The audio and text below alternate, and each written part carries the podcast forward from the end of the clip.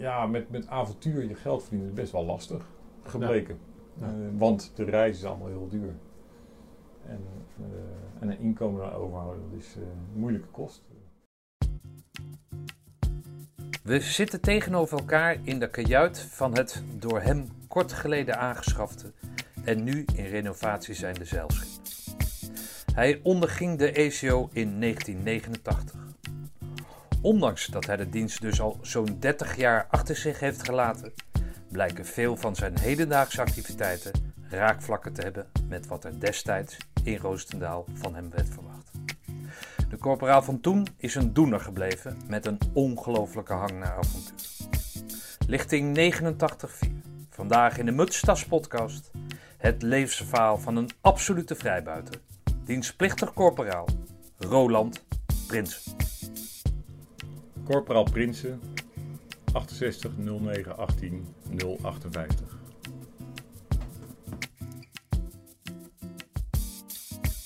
Ik heb uh, Patrick een uh, tijdje geleden uh, geïnterviewd. Een reserve-major. Even slecht welke aflevering het is, dat weet ik dan weer niet. Maar goed, dat terzijde. Zoek het maar op. En die uh, raadde mij aan om een pelotonsgenoot van, mij, uh, van hem uh, te interviewen. En ik zit uh, vandaag zit ik bij Roland Prins. Um, nou, we hebben natuurlijk van tevoren even een gesprekje gehad. En wat mij heel erg intrigeert is, wat zou jij doen? Daar hadden we het net even over. En wat zou jij doen als nou ja, een bepaalde situatie zich voordoet. En dat dan gerelateerd aan, uh, aan je diensttijd. Uh, beetje vaag verhaal. Maar jij hebt verteld dat jij een ontzettend leuke tijd in Roosendaal hebt gehad. Ja. En waarom ben jij geen beroeps geworden? Um, nou, ik ben van de lichting 89.4 dus uh, die op 26 oktober zijn groene beret haalde. Ja, we gingen een weekje naar huis. Daarna kwamen we een week, uh, de eerste week in uh, de 104 voortgezette opleiding. En uh, dat was op een maandag. En notabene die donderdag viel de Berlijnse muur. Dus we hadden geen vijand meer. En toch is onze hele diensttijd verlopen alsof er wel de Russen waren. Eigenlijk was er niet echt een, een, antwoord op de nieuwe situatie, terwijl iedereen zag aankomen dat Rusland op de knieën ging. Dus er zat in een beetje een, ja, een, een beetje spielerij, uh, voelde het eigenlijk een beetje. Maar goed, uh, koud een jaar later uh, kwam de dreiging uh, Saddam Hussein. Die liep Kuwait binnen. En nou ja, wij waren inmiddels uh, afgezwaaid en uh, het uh, paratenpeloton thuis. Dat ook daadwerkelijk die oorlog ging plaatsvinden. De, eerste mediaoorlog eigenlijk die, die er was. Ja, toen werd wel duidelijk dat, dat we alles wat wij geleerd hadden in, in de 104 totaal onbruikbaar was in, in dat soort oorlogsvoering. Dus toen heb ik me achter de oren geklapt van ja, leuk allemaal, maar Nederland is niet echt het land wat is voorbereid op die nieuwe situatie. En dat wist jij ook al tijdens je afzwaaien. En dat maakte dat je dus geen beroepswet. Nou, tijdens het afzwaaien. Kijk, dus we waren. Uh, ik had nog wel de, het idee dat ik uh, moest studeren. Dus de, daar begon het eigenlijk allemaal een beetje mee. Om echt eerst die dienstplicht te doen voordat die afgeschaft werd. Ehm, en ik had al een keer gekozen om niet meteen als beroeps erin te gaan. Omdat traject was me al een keer aangeboden toen ik bij de marinierskeuring uh, zat. Uh, die wilde het avontuur wel aan uh, met mij, maar alleen als ik naar het Kim ging. En dus meteen vijf jaar moest, moest bijtekenen. Of op voorhand al tekenen. Ik hoop hoe ik wil dienstplicht en als, wat, als wat is dan... Want wat, wat is je vooropleiding dan? Ik heb uiteindelijk VWO gedaan. Okay. Dus ze, bij de mariniers mocht ik niet als soldaat-marinier ja, ja. daarin. Die zeiden van ja, als jij, uh, je bent waarschijnlijk slimmer dan die vent voor de club. Dat hebben ze letterlijk zo gezegd. Okay. Dus we gaan, je, met je VWO ga je nooit als marinier. Hm. dus dan hadden ze wel vertrouwen in je? Ja, het is een, een zware keuring. eh, Ja. Veel zwaarder dan, eh, dan die van de, van de KST eigenlijk. Eh, dus van de, de- weet ik veel, we kwamen met 100 man daar bij die keuring eh, aan in, in Amsterdam. En met nog vier anderen mochten we de tweede dag terugkomen. We kwamen Oké. maar met z'n vijven kwamen die tweede dag in. Dus ja, ik was wel een van de weinigen. Dus, maar goed, daar kwam uiteindelijk eh, naar voren van, nou, je bent toch te jong om meteen als eh, dienstplichtig eh, luitenant of vaandrig, ik weet niet hoe dat daar heet, ehm, voor die club te staan. Dat zien we niet gebeuren. Dus, maar als je vijf jaar tekent, ga je eerst naar Kim. En dan ben je een jaartje ouder of twee jaar ouder. En dan zien we je wel voor die club staan. Ik zeg, ja, maar eh, hallo, ik, eh, ik weet nog helemaal niks van het leger. Dus Jij komt niet uit een militair nest of zo? Of, of... nee, ik, mijn vader die, die was eh, vaandrig eh, bij de landmacht. Die was elektrotechnisch ingenieur en die heeft eh, ja, vooral bij de munitiebunker in, in Muiden opgelet op statische elektriciteit en dat soort dingen. Oké. heel spannend. eh. maar nee, wij hebben geen, eh, geen eh, historie van. eh, Maar wat, wat voor een soort gezin kwam je dan?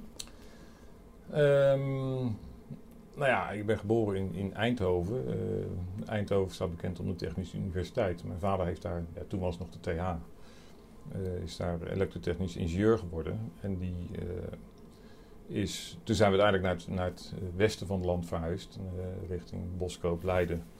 Omdat hij een baan had in, bij de TNO in, in Scheveningen, Oké. Den Haag. Dus ja, eh, hoog opgeleid. Mijn moeder die heeft, weet ik veel, HBS of iets eh, gedaan. Eh, heeft ook altijd gewerkt en zo. Dus, ehm, die werkt op de Universiteit Leiden. Dus ja, Oké, ja, Ja. dan ga je naar het VWO. nou nee, dat ging allemaal niet zo makkelijk. Nou ja, goed, maar je hebt de hersens. Als het goed is, als ze hè, zelf Ja. in de spiegel kijken en van, nou, jochie moet toch iets hebben. Ja, nou goed, uiteindelijk heb ik met hangen en, en brengen heb ik het VWO gedaan. Ging niet vanzelf, dus zeker niet. Eh, geen makkelijke jeugd. Dat kan ik wel zeggen. Dat, Geen makkelijke jeugd in de zin van. Ehm, nou Echt weer het eh, vuur aan de schenen of zo, Een, echtscheiding. eh, Oh, zo, oké. Ja, en ehm, nou ja, dat is allemaal... We, we hebben het dan over de eind jaren zeventig. Eh, bij ons aan de keukentafel, toen ik bij mijn moeder woonde, daar werd de, de Zuid-Afrikaanse apartheidspolitiek Oké. kwam daar over tafel. Het toeval wil dat kort nadat ze gescheiden waren, mijn vader had een donkere Zuid-Afrikaanse vriendin, een Indiaanse vrouw, die kwam uit, eh, was gevlucht uit Zuid-Afrika. En mijn moeder had via de Universiteit Leiden een, eh, een van de hoogleraar uit Windhoek, uit. Zuidwest-Afrika, eh, nu Namibië, maar onder bewind van Zuid-Afrika. En maar die was blank. En dus het ging over die zwarte en die padjakker. En Hm. zo werd over mijn vader en zijn nieuwe vriendin eh, gesproken. Hm. En nou, dat voelde mij, voor mij helemaal niet fijn. En mijn oudere zus, die, die is thuis uit eh, gepest eigenlijk, zo, zo voelde het een beetje.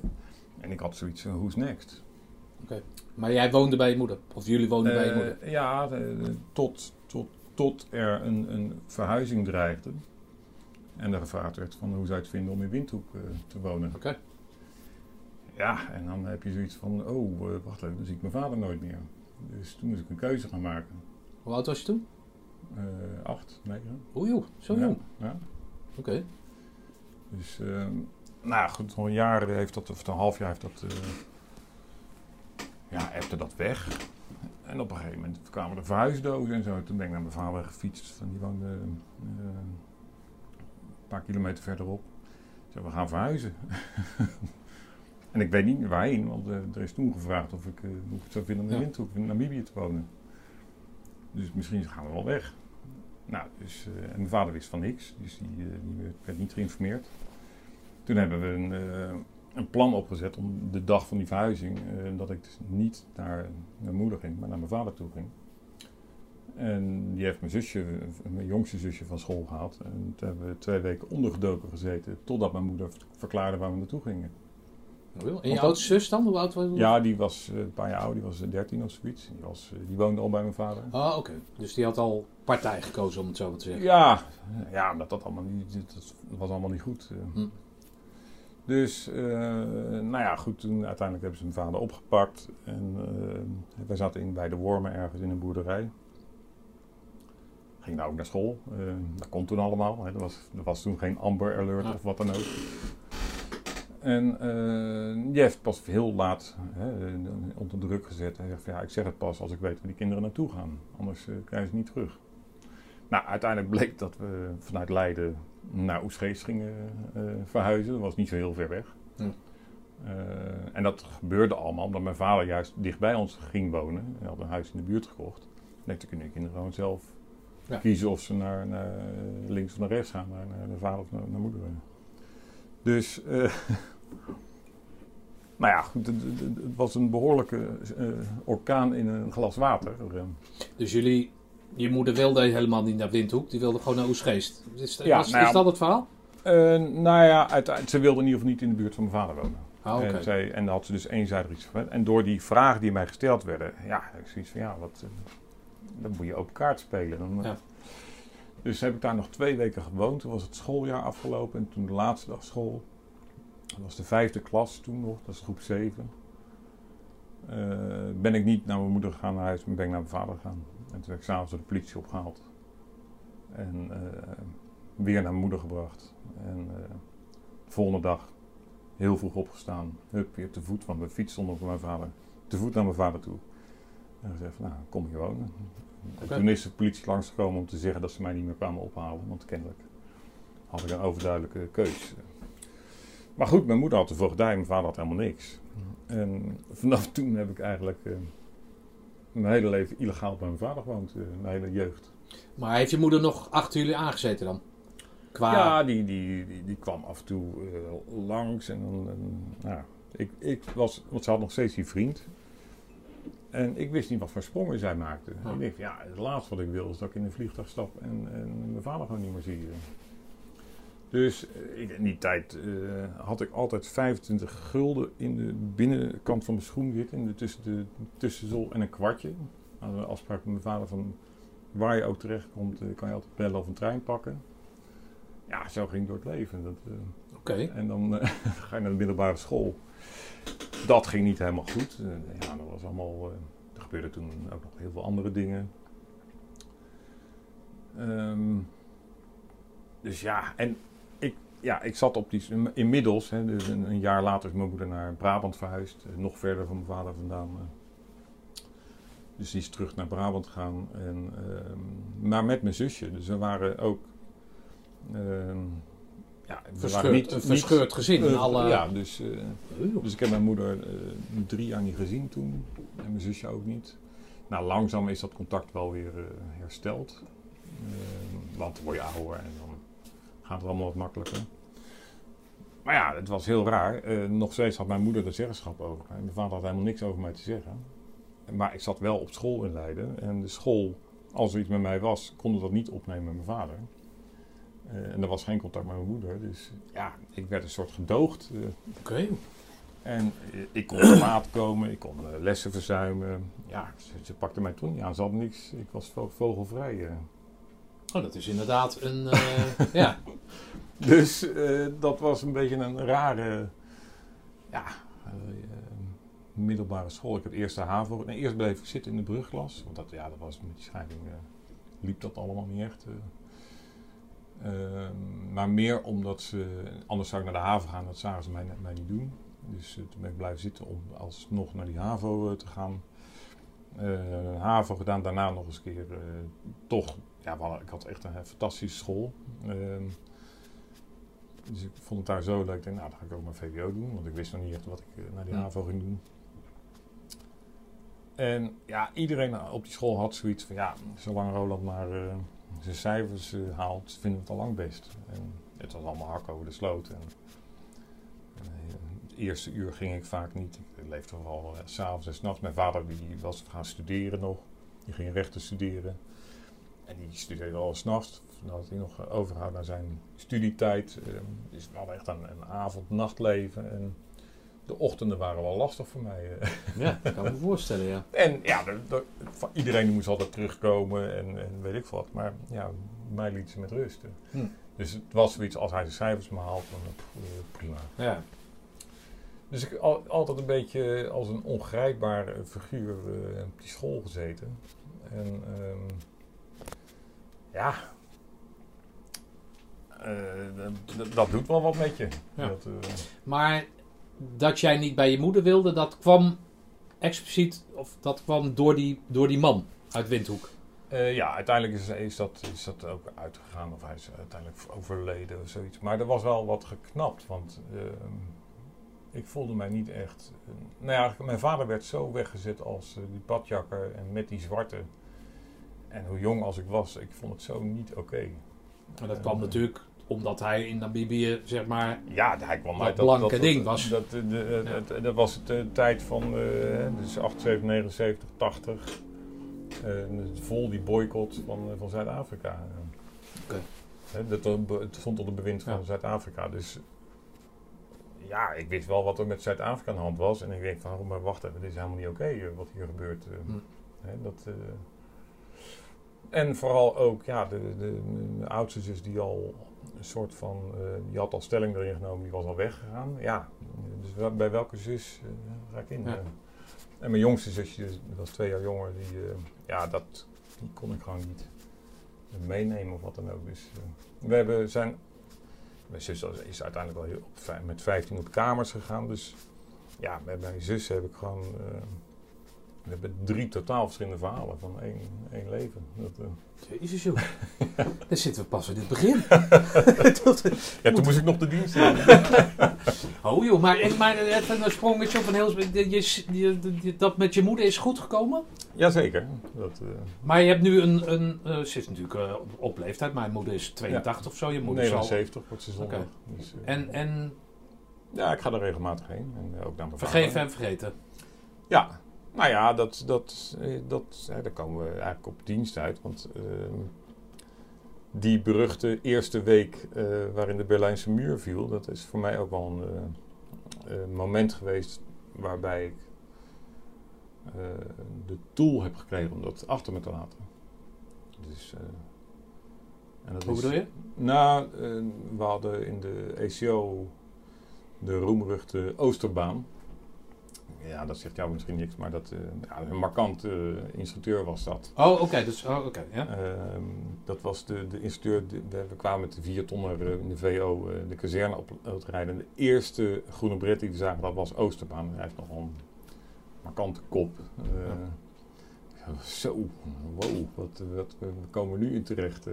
Maar goed, hij was ook onze ECO-instructeur. En ehm, ja, eh, een harde instructeur, maar altijd fair en eh, noem maar op. Maar die heeft in, hij werd ook onze eh, PS, onze pelotonsergeant.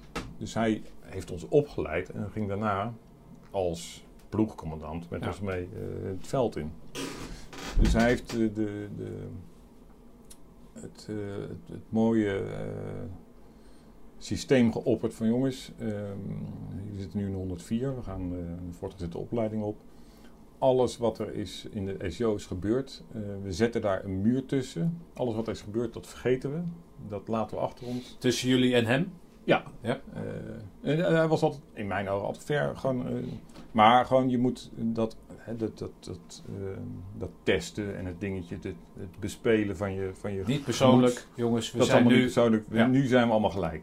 Ja.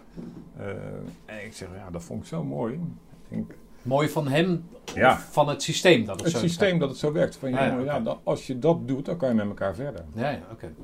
En dat heb ik toen eh, ook tussen mijn, mijn jeugd, wat allemaal gebeurd is, eh, dus met mijn ouders, ook zo neergezet.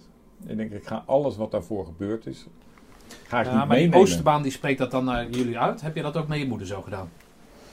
Eh, nee, Uitgesproken. Voor, voor, nee, niet. Ik heb dat voor mezelf zo Oh. besloten. Van, eh, ik ga al die dingen die er gebeurd zijn. eh, iedereen had zijn eigen reden. Je weet niet precies eh, hoe dat zit. eh, eh, iedereen heeft zijn eigen werkelijkheid. En ik ga niet dingen meenemen die er toen gebeurd zijn. nog nadragen. Van je hebt toen dit en dit gezegd. En ik voelde dit en dit. Nee, we vergeten gewoon. We zijn nu volwassen. En dat En- komt door die Oosterbaan. Of in Ja. ieder geval zijn houding. Nou, dat, is, dat, is, dat is wel mooi. Ja. Oké. Dus, eh, dat Maar jij waarde- voelde, voelde dat wel, zeg maar, die verwijten naar je ouders of naar je moeder? Of... Nou, nee, als je terugkijkt, dan denk je, ja, waarom is dat allemaal nodig geweest? Ja. En, eh, en ja, je zou kunnen verwijten, ja, eh, niet beschermd gevoeld of ja. En aan de andere kant weer heel erg juist. Mijn vader die heel veel deed. Maar ja, mijn moeder die, die had ook haar redenen om bepaalde keuzes te maken, Hm. kennelijk. Die ik niet wist. En ehm, op, op mij een bepaalde indruk hebben gemaakt. Maar, maar ja, je kan het heel erg gaan uitpraten. En ehm, ja, misschien dan alsnog geen begrip hebben. Zo. Maar dit was eigenlijk wel een hele duidelijke manier van ja, dit was mijn jeugd. Eh, ik, ik sluit dat af met die muur en eh, ik ga gewoon met, met allebei eh, opnieuw verder. Eh, Hm. Het ging al goed hoor, maar ik ga dat niet meer nog meer mee Ja, nee, en- nou, dat, en, dat, eh, dat is toch mooi? Dat is mooi voor de relatie in ieder geval. Dus eh, sindsdien is eigenlijk alles eh, heel, heel, heel fijn. Hele leuke jeugd gehad. Nee, nee, goed. Nou kijk, ja, goed. nee, nogmaals, die, die jeugd, ja, het klinkt, als je nu even zo in, in, in, in een, paar minuten vertelt, dan denk je, jeugd, wat, wat heftig allemaal. Maar wat, wat, ik heb ook een hele fijne jeugd gehad. Het is allemaal ook wel mooie dingen geweest. En het heeft me gevormd, dus ik zou, niet, ik zou Ja. het niet anders willen Nee, hebben gehad. Dus eh, weet je wel, het- van alles word je ook sterker of, of eh, Ja. wie je bent. Dus jij gaat met hak over de sloot, ga je dan eh, het- het- dat diploma in eh, ontvangst nemen? ja, kijk, dus ik zei al, we leefden s'nachts en zo. En ik was, ja, ik, ik, ik heb, nou ja, mijn lagere school, dat was Jena-planschool. Dat is eh, Ja. zo'n zo'n systeem dat je, je, je moet rekenen. Je krijgt een boekje, dan moet je rekeningwerkje uit, uit doen. En daarna moet je het antwoordenboekje ophalen bij de leraar. Dan moet je eigen werk gaan nakijken. Dat heb ik altijd zo'n raar systeem gevonden. Nou, Dus dat was hip, hè, Jene plan. Ja, dus dat, dat deed ik niet. En, eh, ik zou gaan leren. En voor de rest, eh, ja, die leraar die moest maar eh, Ja. zeggen of het goed of fout was. Ja, jij hebt toch ook een functie? Of zo? Ja. dat, ja, ja. Ik vond het een heel raar systeem. Maar, ehm, en ja, ik, ik deed de dingen altijd op mijn eigen manier. En dat is nog eens een keer versterkt toen op die middelbare school. En, maar toen ik eh, uit de dienst kwam, de dienst merkte ook al een beetje. hoor. Eh, als dingen mij verteld worden, dan kan ik het goed onthouden. En ik luister en dan, dan heb ik daar beeld bij. Maar uit een boek leren, dat was niet helemaal mijn, mijn ding. Examen heb ik ook ja, de nacht voor het examen ging ik dan eh, leren en dan helemaal opgefokt naar het examen. En dan haalde ik zo'n examen in een zes of een zeven en dan eh, zo heb ik mijn diploma's gehaald. eh. Hm. Maar niet omdat ik een hele jaar in, de, in die boek had gekeken. Dat, eh. maar goed, dat is Nou, is nou... wel lekker, is toch een zekerheidje als je dat weet. Jawel, maar als je dan eh, daarna gaat studeren, dan kom je er wel achter dat je nooit Ja. hebt geleerd om te leren. Ja, oké. Nee, en daar ben ik wel keihard tegen aangelopen. Ja, oké. En, eh, Dus dat is na die middelbare school heb je dan een, eh, een plan of zo? Of wat- Nou, dus die eh, middelbare school die eh, liep ten einde. En heel veel jongens eh, die dan de haven hadden gedaan, die gingen al de dienst in en zo. Dus dat leefde al wel in je, onder je leeftijdgenoten. ik zat op een, een, eh, een scholengemeenschap, dus ja, die havengroep, de, de, de meesten gingen of een voortgezette opleiding of de dienst. De jongens gingen dan meestal de dienst in. En er zaten een paar, paar bij die de mariniers eh, gingen doen. Hm. Ja, dat pak wel boek, boekdelen. Dat, eh, dus dat eh, wou ik ook. Ik wou eh, bij de mariniers. Dat, eh, Nee, maar kreeg, kreeg je dan verhalen? Je had contact met die jongens en die vertelden hoe het daar dan was. Toen ze daar ook daadwerkelijk. nou ja, dan, dan krijg je een kaartje uit de, uit de West. En, eh, Ja, zo. Ja, oké, oké. ik zit nu in de West. En, eh, Ja, ja, en ik kwam er terug. En, eh, ja, maar Dat ging Toen- leven. dat ging leven. En ik, eh, nou, je hebt, eh, had ook wat films en zo die wel eh, tot de verbeelding spraken. En, maar wat mij aansprak eh, van de mariniers was eh, ja, die mountain leaders, eh koudweertraining. En dat had ik ook met dienstkeuring eh, gemeld. Hè. Daar krijgen ze een vragenlijstje of je Ja. wat voor extra dingen je zou willen doen. Dus ik heb tegen al, hè, rampenbestrijding vond ik mooi. Hè. Ja, als er overstromingen zijn, ja natuurlijk ga je helpen. Dat, eh, Ja. Dat is wat, wat, Tuurlijk, wat, ja. wat telt. Snap ik. Eh, of ik eh, nou, bij de mariniers dan zou willen. Eh, voor mij. oh ja, en, en toen vroeg ze ook waarom. Of nee, wat zou je dan bij de mariniers willen doen? Ik zeg nou, vooral om de koudweertraining. Ik zei, hè, niet naar de west? nee, die koudweer. Oh nee, wacht even, dat was bij de marinierskeuring uiteindelijk al. Maar goed, in ieder geval, ik had al die dingen jaren gezegd, behalve de marechaussee. Want Marseille, dat leek op politie. En daar hadden we niet zo heel goede ervaring mee. Dus het, We? Is we? Jij ja, met mijn vader, dat is eh, Oh, altijd... Ja, een- oh, dat een- ding. Ja, Dat is, ja... ja dat, dat mijn, vader, erin. mijn vader die had al... ehm, nou goed, dat als je opgepakt wordt omdat je voor je, voor je Ja. kinderen opkomt, dat is Ja. een heel... Dat doet dat met je. En ja, hij wist precies hoe de wet in elkaar zat. Dus eh, hoe vaak er weer niet een wijkagent eh, bij de deur kwam, dan zei hij, eh, meneer, met terrein af. En dan zette hij die politieagent op de stoep.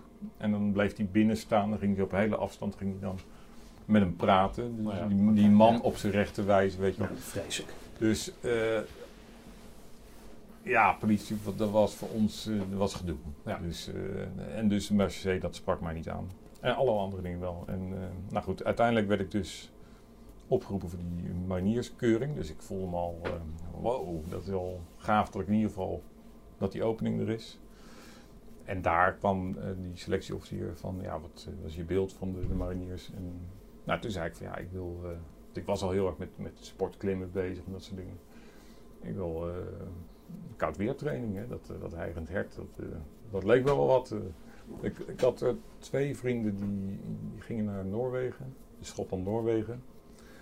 En, en die andere jongen die naar de west ging. Ik zei, ja, met zo'n wit pak, eh, een beetje daar eh, in de kroeg hangen, dat, dat, dat, daar had ik niks mee. Ik wou eh, de bergen in.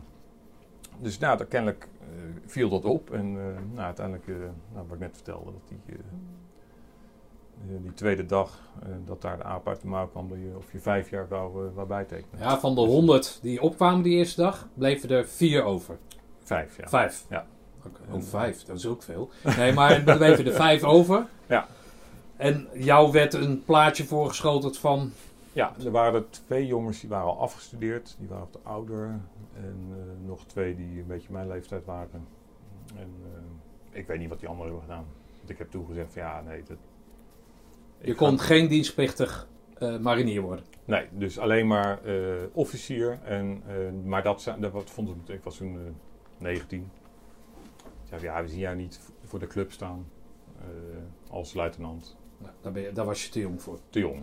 Dus, En je was kennelijk, ondanks je haperende eh, middelbare schoolcarrière, was je ook te slim Ja. om ja, als dienstplichtig marinier eh, te dienen. Want dan zou jij slimmer zijn dan de kerel die ervoor staat. dat zei die, eh, die selectie eh, officier. dus je werd redelijk voor het blok gezet voor hetgeen wat Ja. jij dan als, eh, Ja. als het einde zag. Zeg. Of het einde, het, het mooiste zag. Klopt. En wat Eh, heb je toen gezegd dan? Ja, ik zei ja, eh, ik wil het heel graag, maar als, het, als ik niet als. eh, ik wil niet op voorhand vijf jaar bijtekenen. Ik wil best een dienstplicht en als het dan wat lijkt, vijf jaar bijtekenen, maar niet op voorhand. Iets, Omdat je niet wist, ondanks die informatie die je dan met die middels briefkaartjes kreeg, eigenlijk niet wist wat het inhield.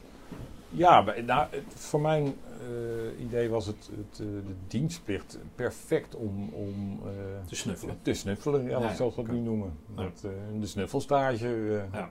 ja. En ehm, ja, of je dat fysiek, weet je wat, dadelijk val je af en wat gebeurt er dan met je? Heb je vijf jaar bijgetekend? Ja, dat is waar, ja. ja waar, moet je dan, eh, waar moeten ze je Eh, dan stoppen? kom ik, op- op- op- weet ik veel, schip. Op, op nou ja, ik was al van de bootje, want ik ben heel erg van het zeilen en, en dat soort dingen. Ja. En daarom sprak ma- marine me ook eh, wel aan. Maar ja, als het mariniers niet was, ja, ik wou eh, skiën, eh, klimmen, dat soort dingen. Parachute springen. Ja. Maar was jouw vader dan ook, zo- of je moeder ook zo avontuurlijk dan? Dat, dat moet toch ergens vandaan komen? Nou, de, de- toen- toen het gezin al bij elkaar was, gingen we wel naar Oostenrijk op vakantie. Dus bergtochten maken, Oké. eh, huttentochten. En, eh, maar heb je ook op de padvinderij gezeten dan of zo? Nee, dat, dat wou ik wel. Maar ja, door die, door die scheiding is dat er eigenlijk nooit echt Ah, van gekomen. Maar mijn vader die heeft wel... ehm, we woonden in Leiden vlak bij de Kagerplassen. Dus dat water dat had echt een magnetische Ja, ja, ja. werking op mij. eh. dus die, die had, toen ik eh, elf was of zoiets... eh, heeft hij een, een optimist voor mij gebouwd. Een zeilboot. Oké. Gebouwd Dus- zelf. Ah, ja, ja. hij is van, eh, ja, hij was Ja, van de techniek eh, natuurlijk. Ja.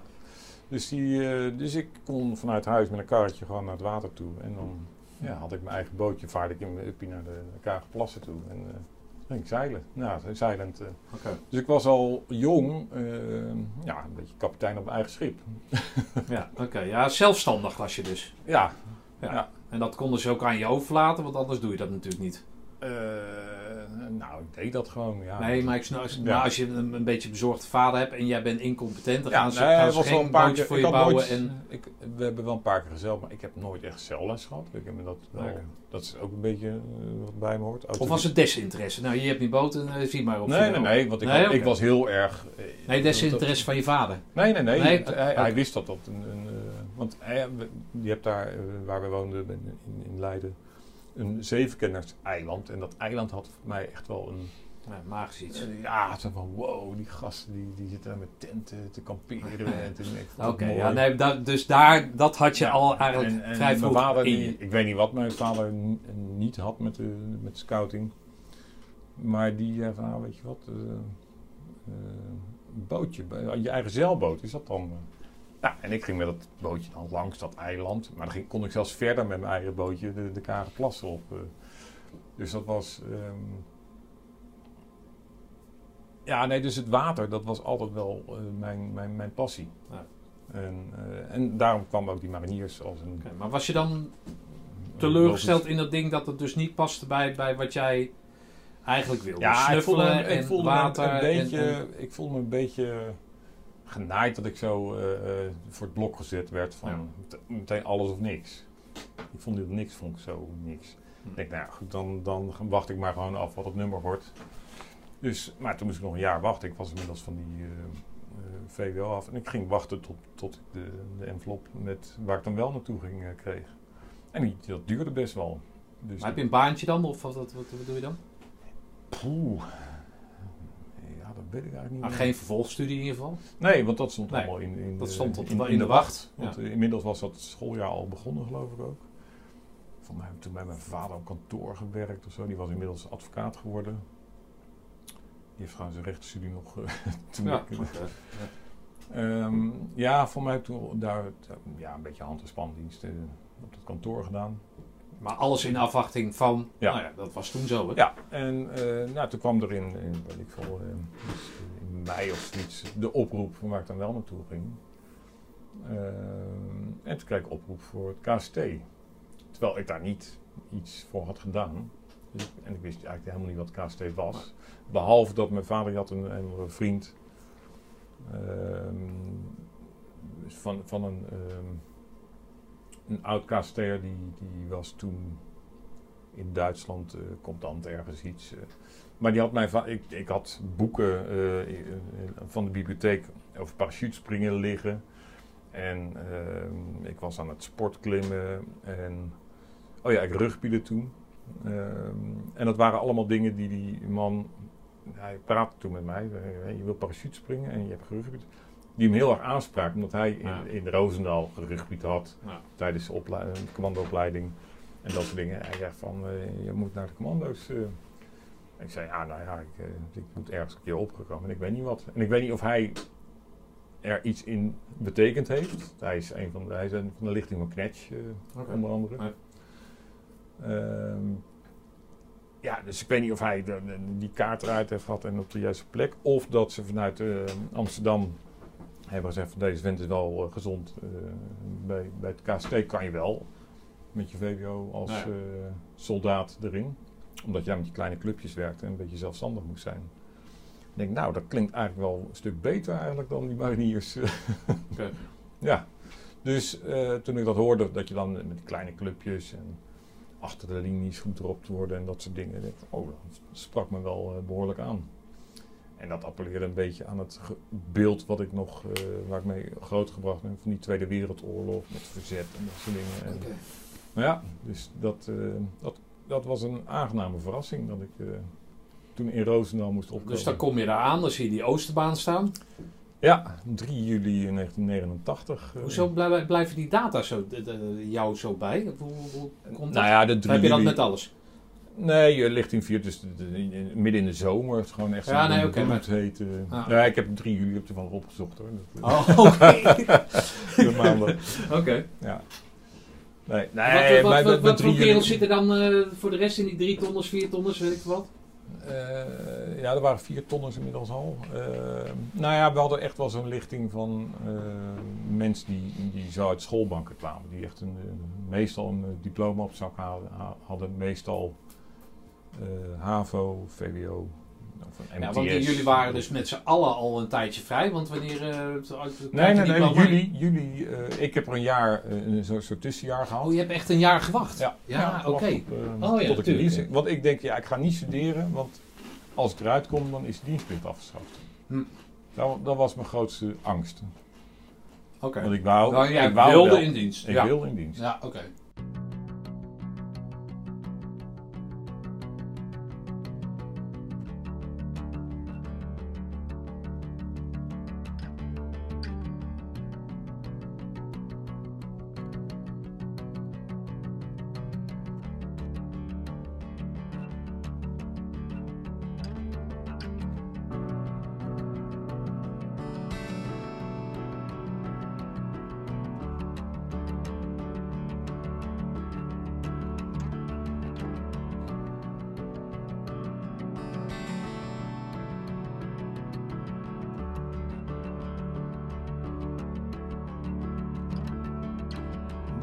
Song about somebody else.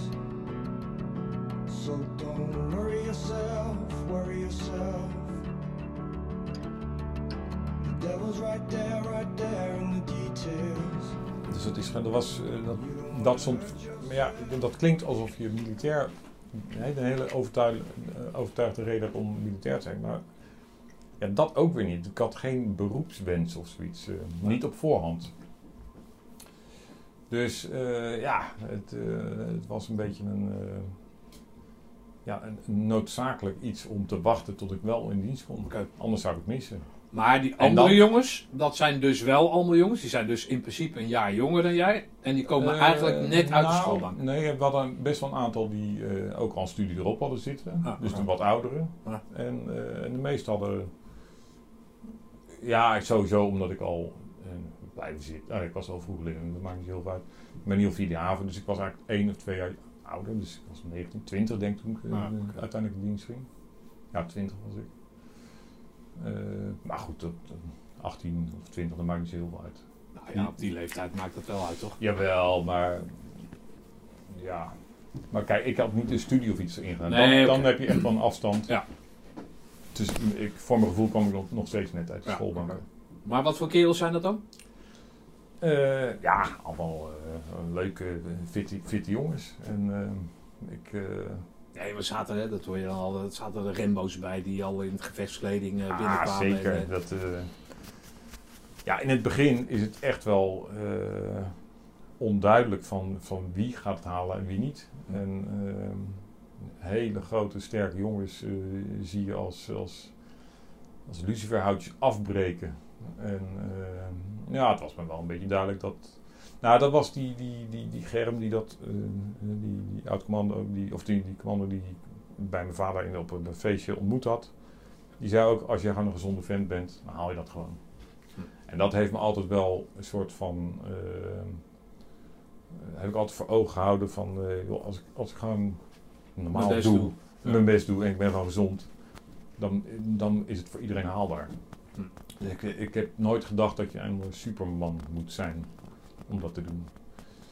Dus eh, ja, gewoon die hele sportieve, met te veel spieren gasten, ja, die vielen af. Dat, eh dat zat kennelijk meer aan de weg dan. Oké. Maar ja, en eh, Maar kon je, kon, je, kon je wat met dat systeem, zeg maar? nou, de, er- de, ergste, de ergste dag van de hele dienst vond ik echt die eerste dag.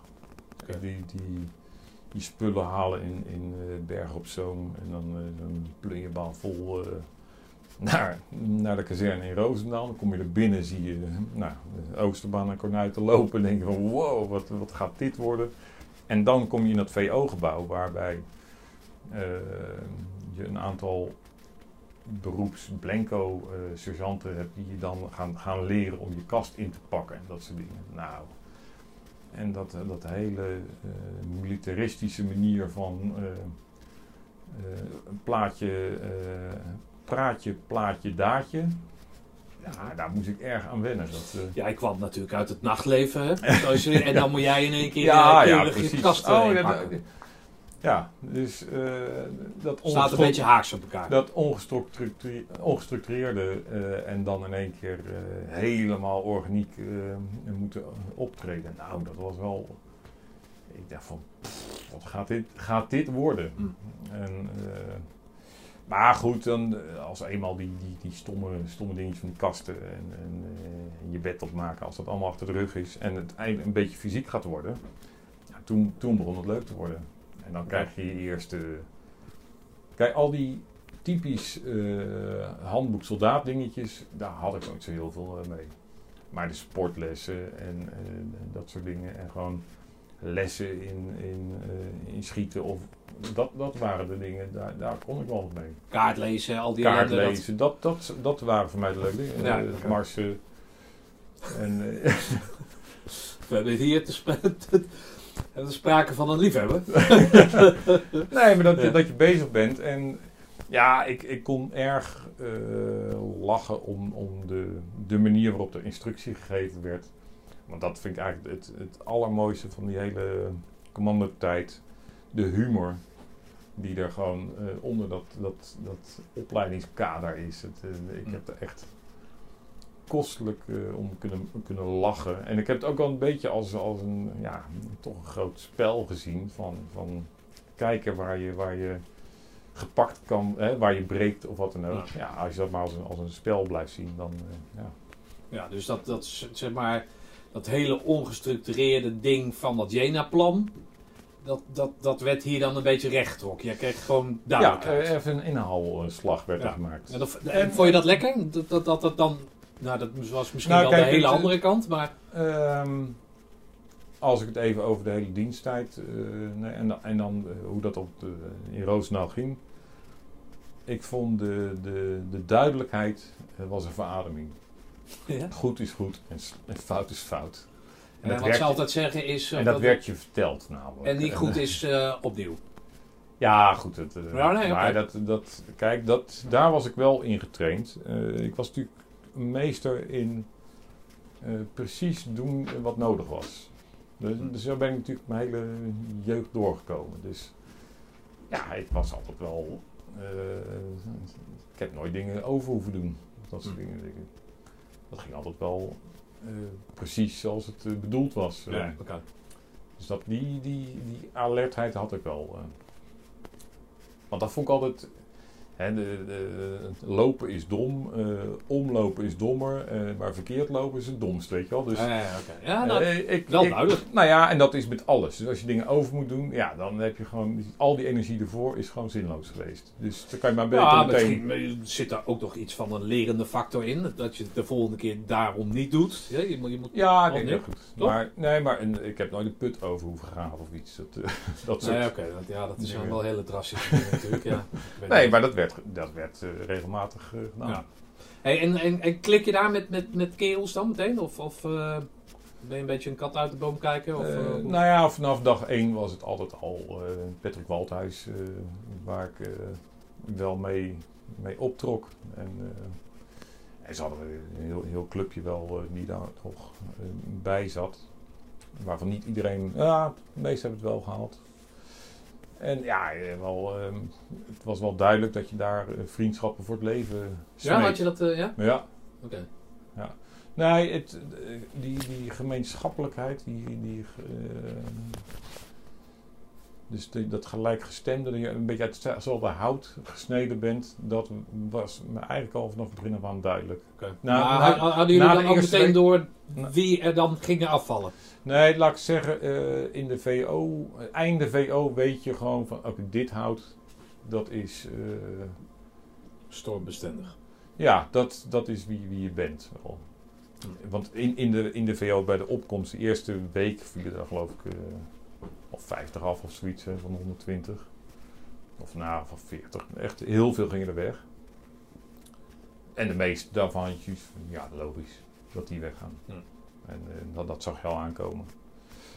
En eh, de mensen waar je wat bij voelt, dat waren dan uiteindelijk ook de mensen die wel overbleven. Dus dat, dat kennelijk, dat, dat zit er wel een beetje in. Hm. En soms op medische gronden viel er nog eentje af, dat was wel jammer. Dus een goede vent afviel omdat hij eh, eh, ja, gewoon geblesseerd raakt. Dat is echt wel jammer. Dat, Ja. eh, die groeien Maar kwam jij daar ook mensen tegen die eigenlijk in jouw gewone leven, hè, dat leven daarvoor, dat je die eigenlijk nooit zou tegenkomen? Kwam je echt hele, hele andere types tegen? Denk ik, hé, hey, nou, als het gewoon in de burgermaatschappij was, had ik daar nooit zo'n klik mee gehad? Of was dat nooit geklikt en nu in één keer door het werk of door dezelfde stomme dingen te doen of, of in de pas lopen of eh, tegelijkertijd groeten? Eh. of, of, of was het allemaal toch nog terug te brengen op dat, ja, op een gegeven moment blijft het gewoon dezelfde houtsoort over. Ja, ik, ik, heb, ik heb daar niet een, een uitzonderlijk persoonlijkheid eh, die, die ik nu even kan opnoemen Ja. van oh, dat ik daar nu eh, nog steeds eh, go- goed mee ben of iets. Nee. Het zijn allemaal wel de types die bij je passen. Dat, Hm. En ja, we hebben een heel hecht peloton. Ehm, dat is echt. als ik het, ja, wij vinden het allemaal heel normaal dat we zo met elkaar omgaan. Maar eh, dat schijnt bij heel veel lichtingen niet te zijn. En je hebt niet met iedereen evenveel, maar, eh, maar ik vind gewoon onze, onze massale eh, gemeenschappelijkheid, of de, de, de eensgezindheid, daar ben ik nog een beetje trots op dat ik daar onderdeel van ja. ben. Ja. Het is echt wel, eh, wel leuk. We hebben een appgroep, nou die is echt... eh, ik moet wel zeggen, door de social media is dat allemaal wel makkelijker geworden. Ja, natuurlijk, maar je moet wel een appgroep hebben. Ja. Hè, die, die moet je toch oprichten, zo moeilijk is het allemaal niet. En dan moet je toch een beetje onderhouden. Ja, ja kijk, dat was eh, toen we uit dienst waren. Kijk, die, die mobiele telefoon, dat kwam allemaal pas eh, half 90 jaren op. Dus die Ja. eerste vijf jaar. Eh, en dat is een verdienste van, van Patrick geweest. Die heeft altijd mensen om telefoonnummers gevraagd en up-to-date gehouden. En altijd met zoveel mogelijk mensen contact gehouden. Echt, eh, Ja, daar heb je altijd wel één iemand voor nodig. In. Ja. Die hadden wij, of die hebben wij ja, ook in dat, peloton. dat, dat ze hem nooit gevraagd hebben voor de verbindingen is echt een wonder. Dat, Ja. nee hoor, Patrick. Oké, maar dan ga je dus die, eh, die, die ACO in met een man of 60, 70. Dus dan is de eerste schifting heeft zich al, eh, heeft al plaatsgevonden. Ja. Maar ja, dan wordt het, dan wordt het spannend. Hè? Iedereen zegt, ja, ik had al lang door dat het een spel was en eh, weet ik wat. Dat zeg ik ook altijd. Nee, nee, de, het, eh, Maar het liep toch af en toe ACO. de nooie broek heen, of niet? ACO is eh, nee, zeker geen spel. Maar ik, ik had wel een beetje door dat dat heel veel als test is. Ja, dat je niet, ja. En dat als je de- dus de, de, langs de tentenkant lopen en, en niet de poort in, dat dat allemaal mentale eh, testspelletjes zijn. eh. dus daar heb ik me nooit helemaal gek door laten maken. Dat, eh, dat, en dat vond ik- kon er al een beetje om lachen. En het was dus heel veel dingen waren best wel een beetje voorspelbaar. En dan gebeurde ze en dan, oh, dat, Ja, maar je zat er toch wel eens doorheen, of... Ja, nou, dus eigenlijk één moment geweest dat, dat ik dacht van, nou zo, nu, nu moet het echt niet veel langer meer gaan duren. dat was eigenlijk de eerste dag van de, van de afmatting. Wij deden de Zeelandroute en dan ehm, heb je vanaf Westkapelle, waar de, de tank stond, eh, eh, Oh, die die- foto die- ken die ik. Sherman, die ja, Sherman die tank. ken ik. Van Patrick. Eh, en dus s'nachts word je gedropt ergens op de kust en dan, dan loop je over het strand en dan heb je al die, die, die, die palen in het water staan, die, die golfbrekers. En ja, we liepen daar met, eh, met, met Pukkel en weet ik veel allemaal. Achter een sergeant, eh, voor mij was het Welling, die met veel te grote passen gewoon eh, zonder rugzakje of wat dan ook, van overal vloep doorheen liep. En wij moesten daar doorheen wurmen met al die uitrusting. Dus dat duurde en dan moet je weer inhalen. En ja, en de welling was er weer door het volgende. Nou, daar werden we redelijk uitgeknepen. En het was eh, oktober, dus eh, ik had toen geloof ik een, binnenvoering in mijn jas eh, ingeknoopt. Nou ja, dat is als je een, geforceerde mars loopt niet heel handig. Dus we kwamen toen in eh Zoutelanden aan. En eh, ik denk van, ja, dit, als we nu doorlopen, ja, dan zou ik voor het eerst wel echt bij iemand aan moeten haken of iets, want dan ga ik niet in, in mijn eentje redden. En op dat moment hoorden we een, eh, iemand eh, heel markant eh, hey, iets roepen. Dat was Rijmakers, de, de de, van de geestelijke verzorging. De, de, de pastoor. Nee, de, ja, Ja, de dus aal- De, aal- aal- aalmoezenier. aalmoezenier. aalmoezenier. Eh, en toen hadden we zoiets van, ah, dit, dit, als de aalmoezeniers gaan, dit moet wel het eindpunt zijn van die mars. En dat was zo. En dan slaap je die nacht in dat openluchtkerkje in, in Zuid-Landen. Echt prachtig. Maar toen, toen, had- toen, toen ik hem zag, hij stond daar met, met, een- met een rolletje king. Iedereen kreeg een kingetje. En ik zag hem en ik denk van, ja, Dit had niet langer dit, moeten duren. Dit, dit, je, je bent echt een, een, een geschenk uit de hemel bijna. Dus dat was en het toen had, en maar favoriete ik, dieptepunt van je. nou ja, dat weet je op dat moment nog niet of dat... eh, Nou ja, je hebt er al eh, zes weken Nee, op ik had zitten, wel- weken op zitten. Ja, maar ik had wel zoiets van, ja, pff, dit, dit komt echt, eh, echt niks te vroeg. Ehm, Dus ik heb het wel zelfstandig gewoon naar binnen gelopen. En ehm, ik had altijd wel ehm, zoiets van, als ik, als, ik, als ik me slecht voelde, of, eh, dan hielp het altijd om anderen te helpen. Ja. Dat, dat geeft zo'n extra boost. Ja. En daar krijg je extra energie van. Ja, en nu, dat was het moment daar in Zuidland dat ik dacht van, oh, nu zit ik aan die andere kant. Dus nu kan ik dat niet meer doen. Eh, nu, nu kan ik dat niet meer opbrengen. Nu word ik degene die geholpen moet worden, wel mogelijk. En, maar dat is niet, het was niet nodig. We hadden die, die, die paar uurtjes eh, daar in de open lucht eh, slapen. En ja, daarna is het gewoon wel doorbuffelen. Maar eh, die binnenjas eruit geknoopt, die heb ik nooit meer aangedaan. En, Die was te warm, alweer. zeg je. ja, ik was gewoon Oh, je was gewoon overhit. Ja, oké. En, en ja, het was gewoon niet te doen. Het was het is een beetje hittestuwing-achtig eh, Ah, ja, gevoel. Ehm, maar goed, het, eh, daar Zijn er nog mensen afgevallen in die laatste week? Voor zover je weet nog? Nee, volgens mij iedereen die de afmatting is ingegaan, die hebben het allemaal gehaald. Hm. Ja. Ja. Wel met eh, gebroken middenvoetsbeentjes binnengekomen, dat soort dingen. Maar iedereen is wel eh, op eigen kracht eh binnengekomen. Oh ja, daar waren er twee toch? Of zo? Ja, voor mij twee. Ja. eh, ja. Ja, ja, oké. Noem eens wat de instructeurs. Sergeant Siegel, weet ik. Wie? Sergeant Siegel? Was het? Nee? Nee, dat Ah, oké, dan was dat een andere filmpje wat ik gemaakt heb dan. Maar noem eens een Siegel? paar. Heb ik nooit van gehoord. Nee, pas Nee, op, hè, want hij luistert. sorry, sergeant. Ja. Nee, we- ik heb hem al genoemd. Oosterbaan hadden wij als... hè, dus wij hoorden in die VO dat Oosterbaan, eh, die we de eerste dag hadden gezien. Jullie pe- peloton sergeant zou worden. Nou, nee, dat hij onze eh, ECO-instructeur ging worden. Oh, al- zo. Ook bij de hadden- VO. Ja, ja. Toen kennen we, we hadden geen les van hem of zoiets in de VO. Oké. Maar ja, hij was wel eh, met zijn, zijn duidelijke snor en, en echt kale kop. En, eh, en zo'n beret die echt tot onder zijn oorlel kwam. eh, Ah, en zo, ja, ja, wel het, het toonbeeld van een harde commando. eh. Ja. Dus dat, daar hadden we een beetje schrik van. En, eh, maar prachtig. Dus, eh, ja, daar hadden we eh, Welling, die, die ik al noemde, die vooraan bij die openingsmars liep volgens mij. Eh, van Duren. Oh ja, van Duren. Ja, die ik Ja. later nog wel met parachutespringen ook een keertje tegenkwam. Dat vond ik wel grappig. Ehm Verheij. Verheij. Markante. jammer, jammer. Oh, Met het peloton hebben we af en toe nog wel die kenmerkende Ja, uitspraak die zo die ja herhalen want dat, van eh, die- 89, dan is zeven jaar later. Want wij hebben hem ook eh, als eh, instructeur gehad. Dus dat is... eh, dat, oh, dan, dat zit Ja, er- hij was een Ja. van de, de, de meer senior. Ja. Ja, maar mooi vent. eh. En dan hadden we Van Balen.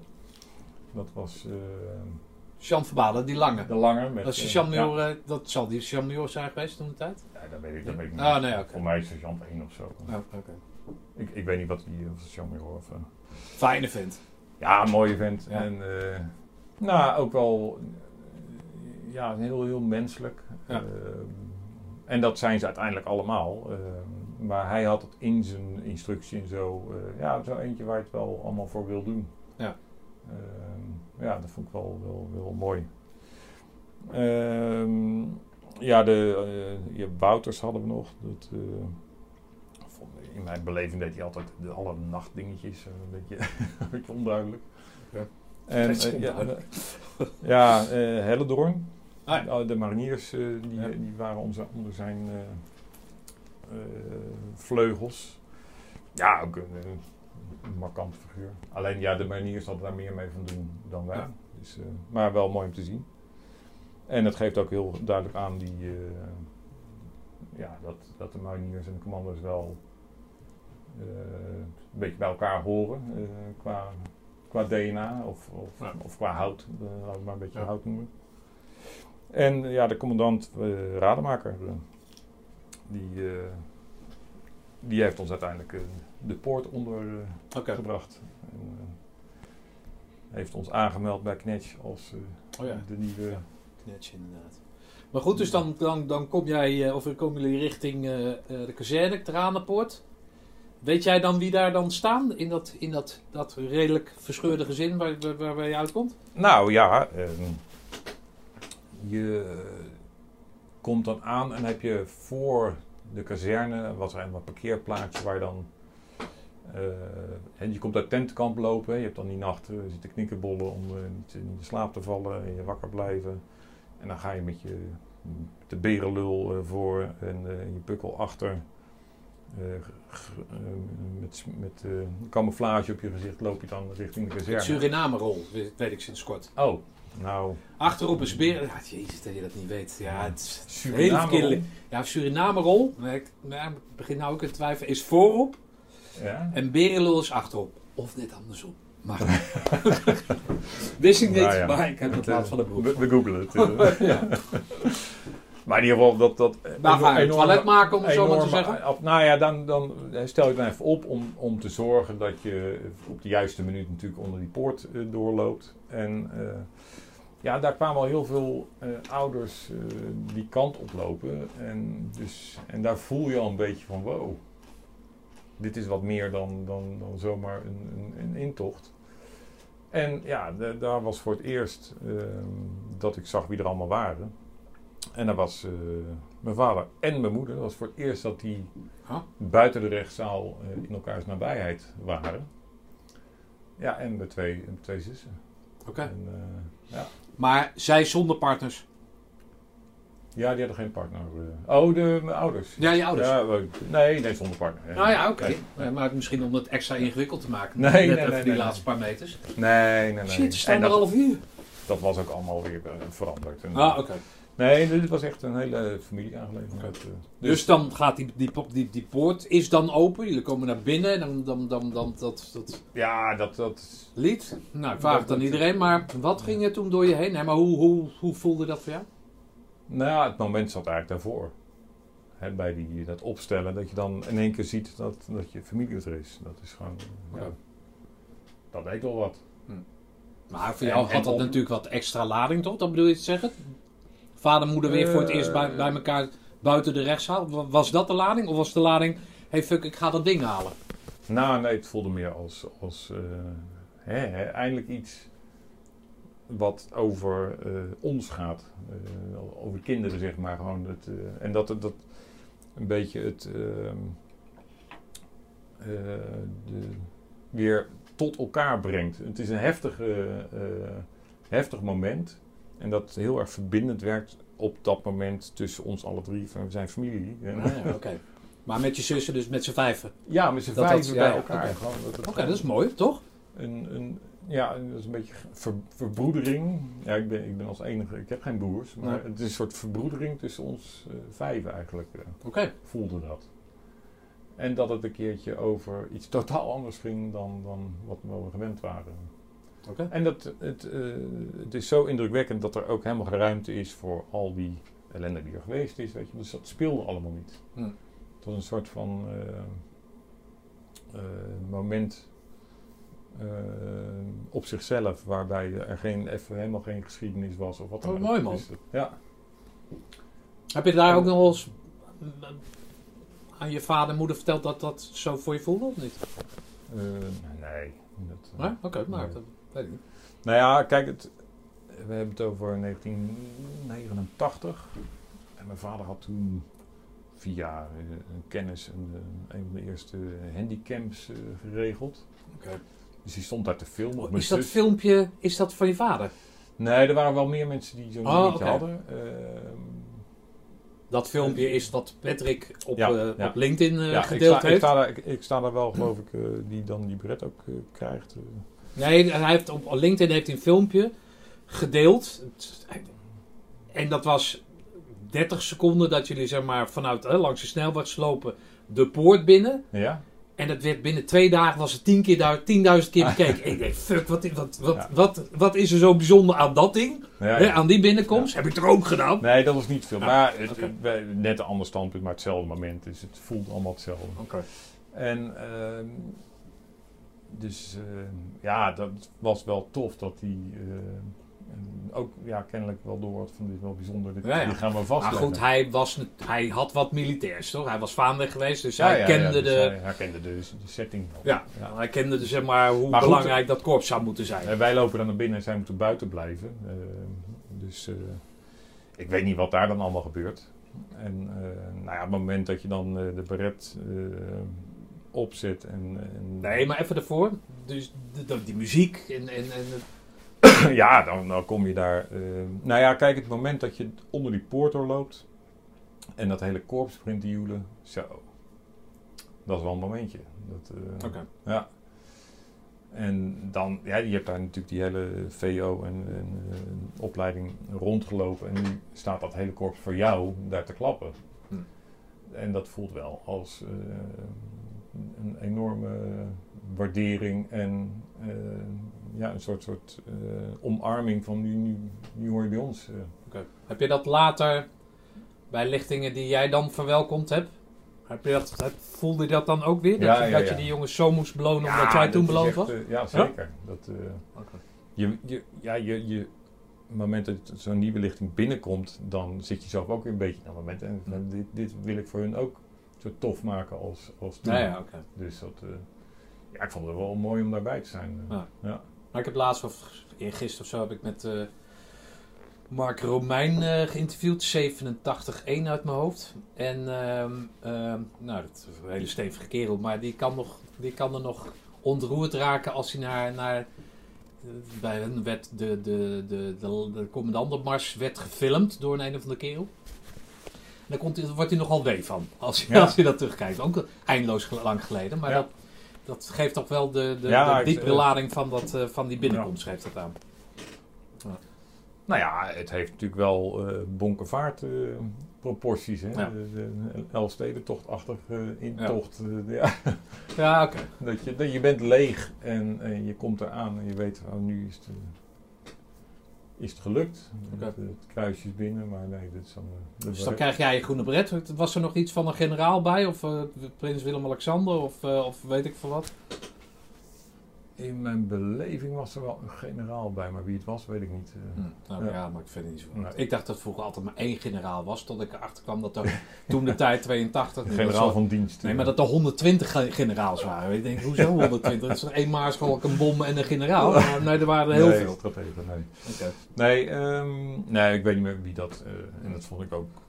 Maar goed, dan ga je naar huis. En Ja, met wie ga je dan mee? eh, mijn vader. Dat, Oké. ja. Ik woonde toen eh, ook nog steeds bij mijn vader. Dat, Ja. Maar je moeder reed niet mee. Die was met de eigen auto of met de trein of wat dan ook. Want dat... Ja, dat zal eigen auto zijn geweest. Ja, ja oké. Maar ze reed niet. Het was niet in één keer zo goed dat het allemaal in Nee, één want je hebt dan, hè, dus eh, je zet die beret op, daarna moet je nog één keer af om daar bier uit te drinken. En daarna ben je vrij. Ehm, nou, en dan, eh, dan ga je naar de, de, de bar boven de, poort, eh, de, de, de manschappenkantine. En dan eh, kan je nog even wat, wat drinken. En dan praat je wel over eh, hoe indrukwekkend die ochtend was. Dat, dat weet ik nog wel. Eh, allebei mijn ouders dat eh, zeiden. En eh, ja, dat is wel, wel prachtig om dan eh, zo te zitten. Maar ja, daarna, het is dan inmiddels eh, vijf uur of iets. eh, dan is het al snel, eh, ik geloof je een kop soep of zoiets kreeg je dan. En dan, dan, dan moest je weg. Ja, ja. En dan, eh, ja, dan uh, reikte mijn vader eh, terug. Ja. Mm. Dus dat. eh, maar goed, het is wel een moment eh, dan samen en dat was wel, wel mooi. Ja, oké. Ja. Nou, weekje vrij. Ga je die, eh, die 104 in. Ja, Dus dan begint het echte werk voor jou. Ja. Parachutespringen, vaarschool. Zeker. Eh, dus dan komt alles wat, wat, wat, wat, wat jij voor ogen had, dat komt daar allemaal terecht, of niet? Ja, nou, ik wist natuurlijk al dat eh, als je in de 104 terecht kwam, dat je dan, eh, als het goed is, para gebreveteerd eh, werd. Nou, dat, dat wou ik heel graag. Dus dat was een beetje mijn, waar, waar mijn, mijn ogen op gericht waren. Hè, om zo snel mogelijk die in te gaan. Daar keek ik echt naar uit.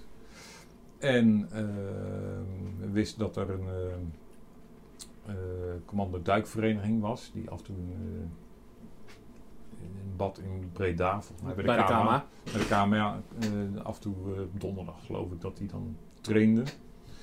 Nou, we hadden ons opgegeven om daar een eh, eh, cursus te gaan doen.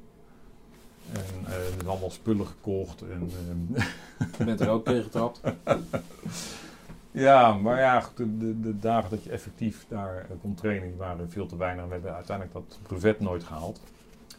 Dus dat, dat was een beetje jammer dat dat niet gelukt was in dienst. Maar, en dat was in vrije tijd, hè. Dus dat, eh, Ja. Maar de, de, de keerzijde daarvan was, of de, de, eh, dat dat niet gelukt was, was omdat we een heel rijk oefenprogramma hadden. Ja. Dus we hebben China Anders gedraaid, Lowlands, een oefening die ze zelf in elkaar gedraaid, stiekem een rat. Waarbij eh Cox, Major Cox, later met terugwerkende kracht verbolgen was over die naam. Want hij dacht stiekem een rat dat het RAD van radio was. Oké, maar het was gewoon met een T. Maar dit kwam uit de kokers natuurlijk van eh, een van de instructeurs. Dus die, met een T, het stiekem een rat. Dat was helemaal geen, geen goede naam voor die eh, oefening. Oké. Maar goed, het was al gebeurd. Eh, maar goed, ik kon er wel om lachen. Die, die, ja, een beetje dat burgerlijke, burgerlijke ongehoorzaamheid. Maar eh, Cox was jullie CC? Ja. Kopierscommandant. Ja. Oké. Ja, en eh, PS was dus eh, Oosterbaan. En eh, als PC hadden we Snelders uiteindelijk. Oh. Ja, Nou, wat leuk. ja. En, maar eerst hadden we nog even Casper Versteegde en Vaandrig. Ja, oké. Die toen een paar maanden, want hij was van het peloton voor ons, was luitenant, of uh, Vaandrig. En toen is hij bij ons nog een paar maanden had hij bijgetekend om die factuur op te vullen. Want onze Vaandrig was afgevallen in de ECO. Hm. Niet in de afmatting, maar al eh, ruim daarvoor.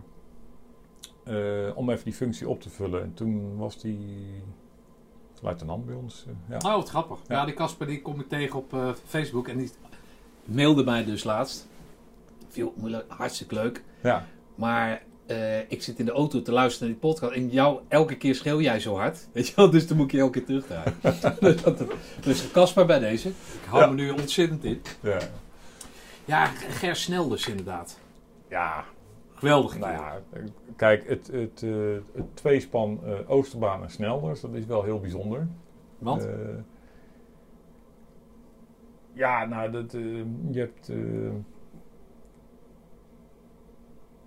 het zijn twee uitersten, maar ook weer niet. Ze zaten zo op één lijn, maar elk op hun eigen manier. Ja, dat was gewoon heel, heel mooi. Hebben jullie de Vierdaagse ook gelopen? Zeker.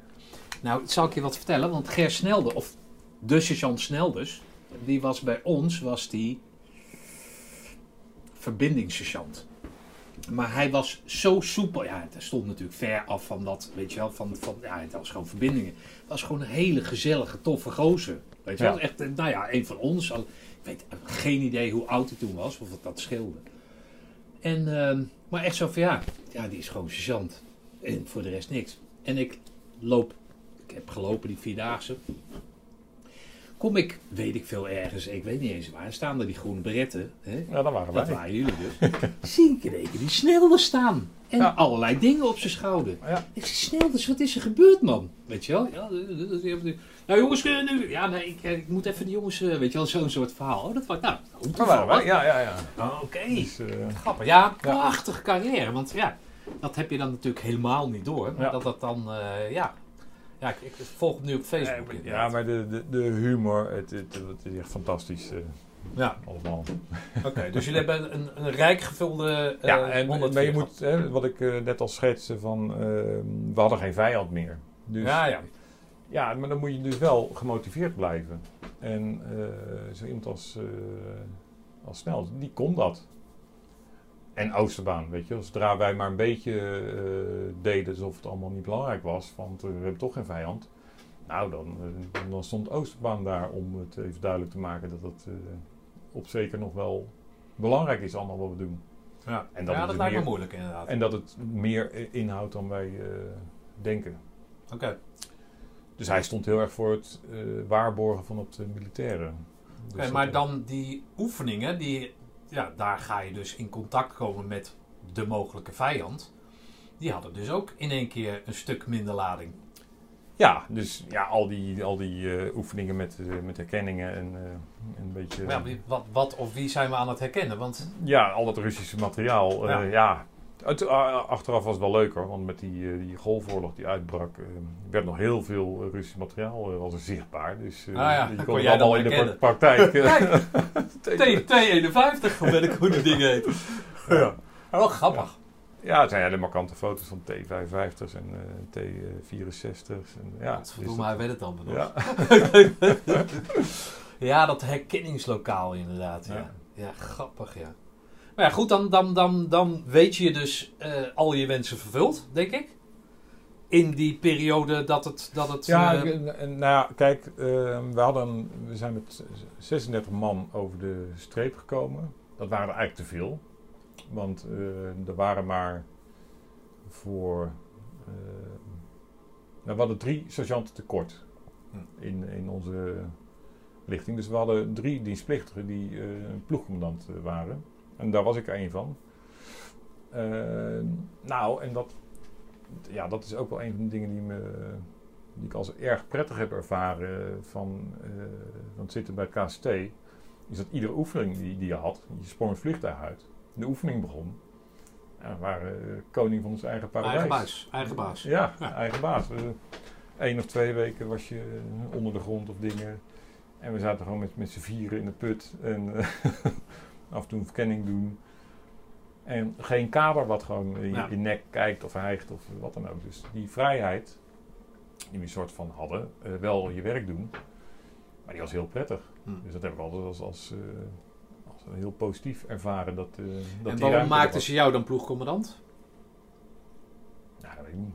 Nou ja, om, het- ja, ik ben daar het meest geschikt voor natuurlijk. Nee, maar wa- waarom? Wat, wat Nou extra ja, uitgesloofd of zo? Of, eh, of, of had je dat al in je? Je was natuurlijk vrij zelfstandig al. Ja, toch? Je, je bent als Ja. een soort...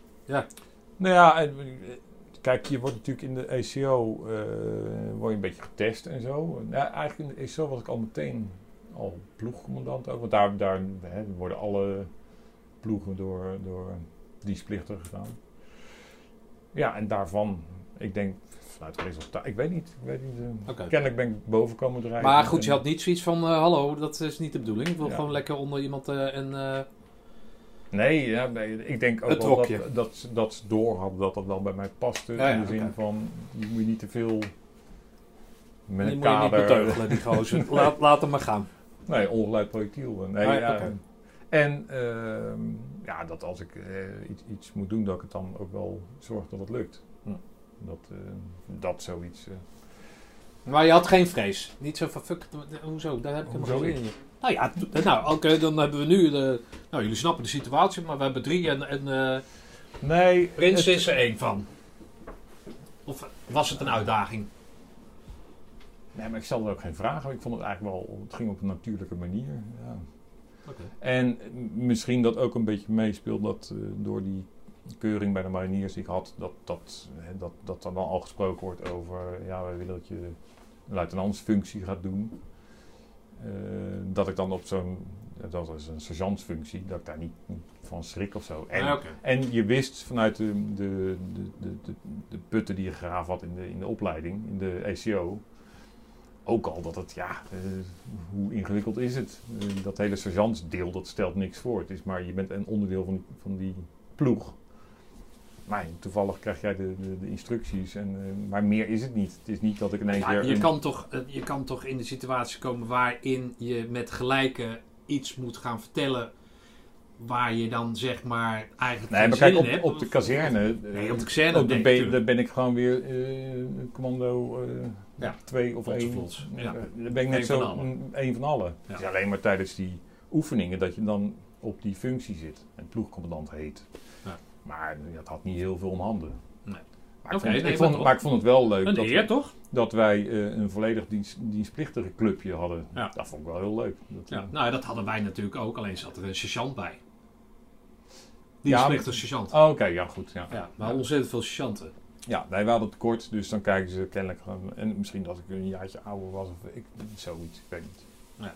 En, eh, dus eh, ja, ik vond het als een heel, dat was een heel prettig. eh, misschien dat ik daarom ook al die activiteiten van die we deden, eh, dat ik het heel, heel leuk vond. Eh, omdat ik een beetje mijn eigen draai eraan eh, aan kon geven. Ja. Ja. Nou, leuk man. Dus het, het heeft voor mij in ieder geval goed gewerkt dat ik dat, daar een hele fijne diensttijd door heb gehad.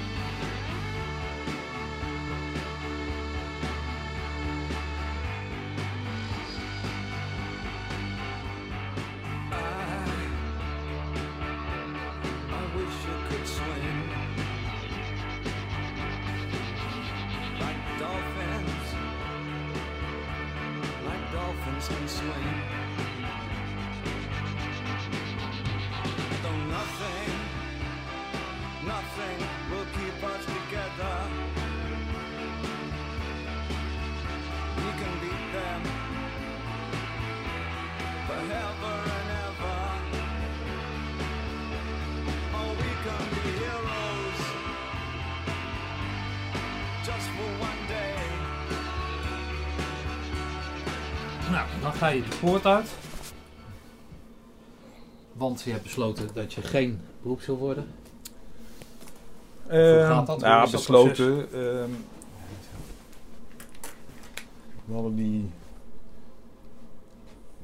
Ja, eigenlijk, we, we, we hebben dus die vierdaagse gelopen. Het, ehm, het vaantje gewonnen. Dat moet ook Dat even. meen je niet. Eh, ja, dat, dat, is, dat is Ger, hè? Die, eh, als Krijg je, dan, eh, krijg je dan iets van een onderscheiding op je pak of zo? Of, eh, omdat je dat vaantje, of is dat alleen maar Nee, je krijgt. voorbehouden aan het peloton of aan het korps? Ja, nee, je krijgt een gratificatie. Oh, oké. mij hebben we toen allemaal 100 gulden gekregen. Oh, oké. Extra. Nou, het was toen eh, vlak voor het einde afzwaaien. Kijk. Dus dat was een leuke Ja. extra. Ja, dat was ook natuurlijk leuk. Dat het parachutespringen dat leverde 50 gulden op Ja. per sprong. Dus iedere oefening hadden we hup, 50 gulden. En dus die oefentoelagen, dat was altijd wel Ja. leuk van, eh, van het KST ten opzichte van andere dienstplichtigen.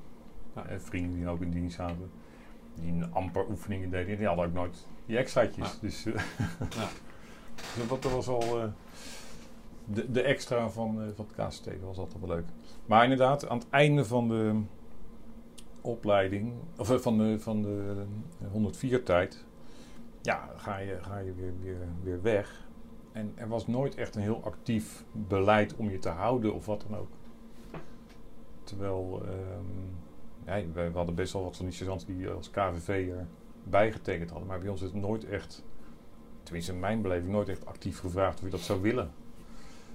En misschien had dat te maken met, eh, met dat die, eh, de nieuwe landmacht een soort uitgevonden moest worden. Ja. Dat het daarom niet gedaan is. Ehm, ja, en ik heb wel eens gedacht, ik denk dat als ze toen op de man af gevraagd hadden, nou misschien nog wel jaren gezegd dat ook. Hm.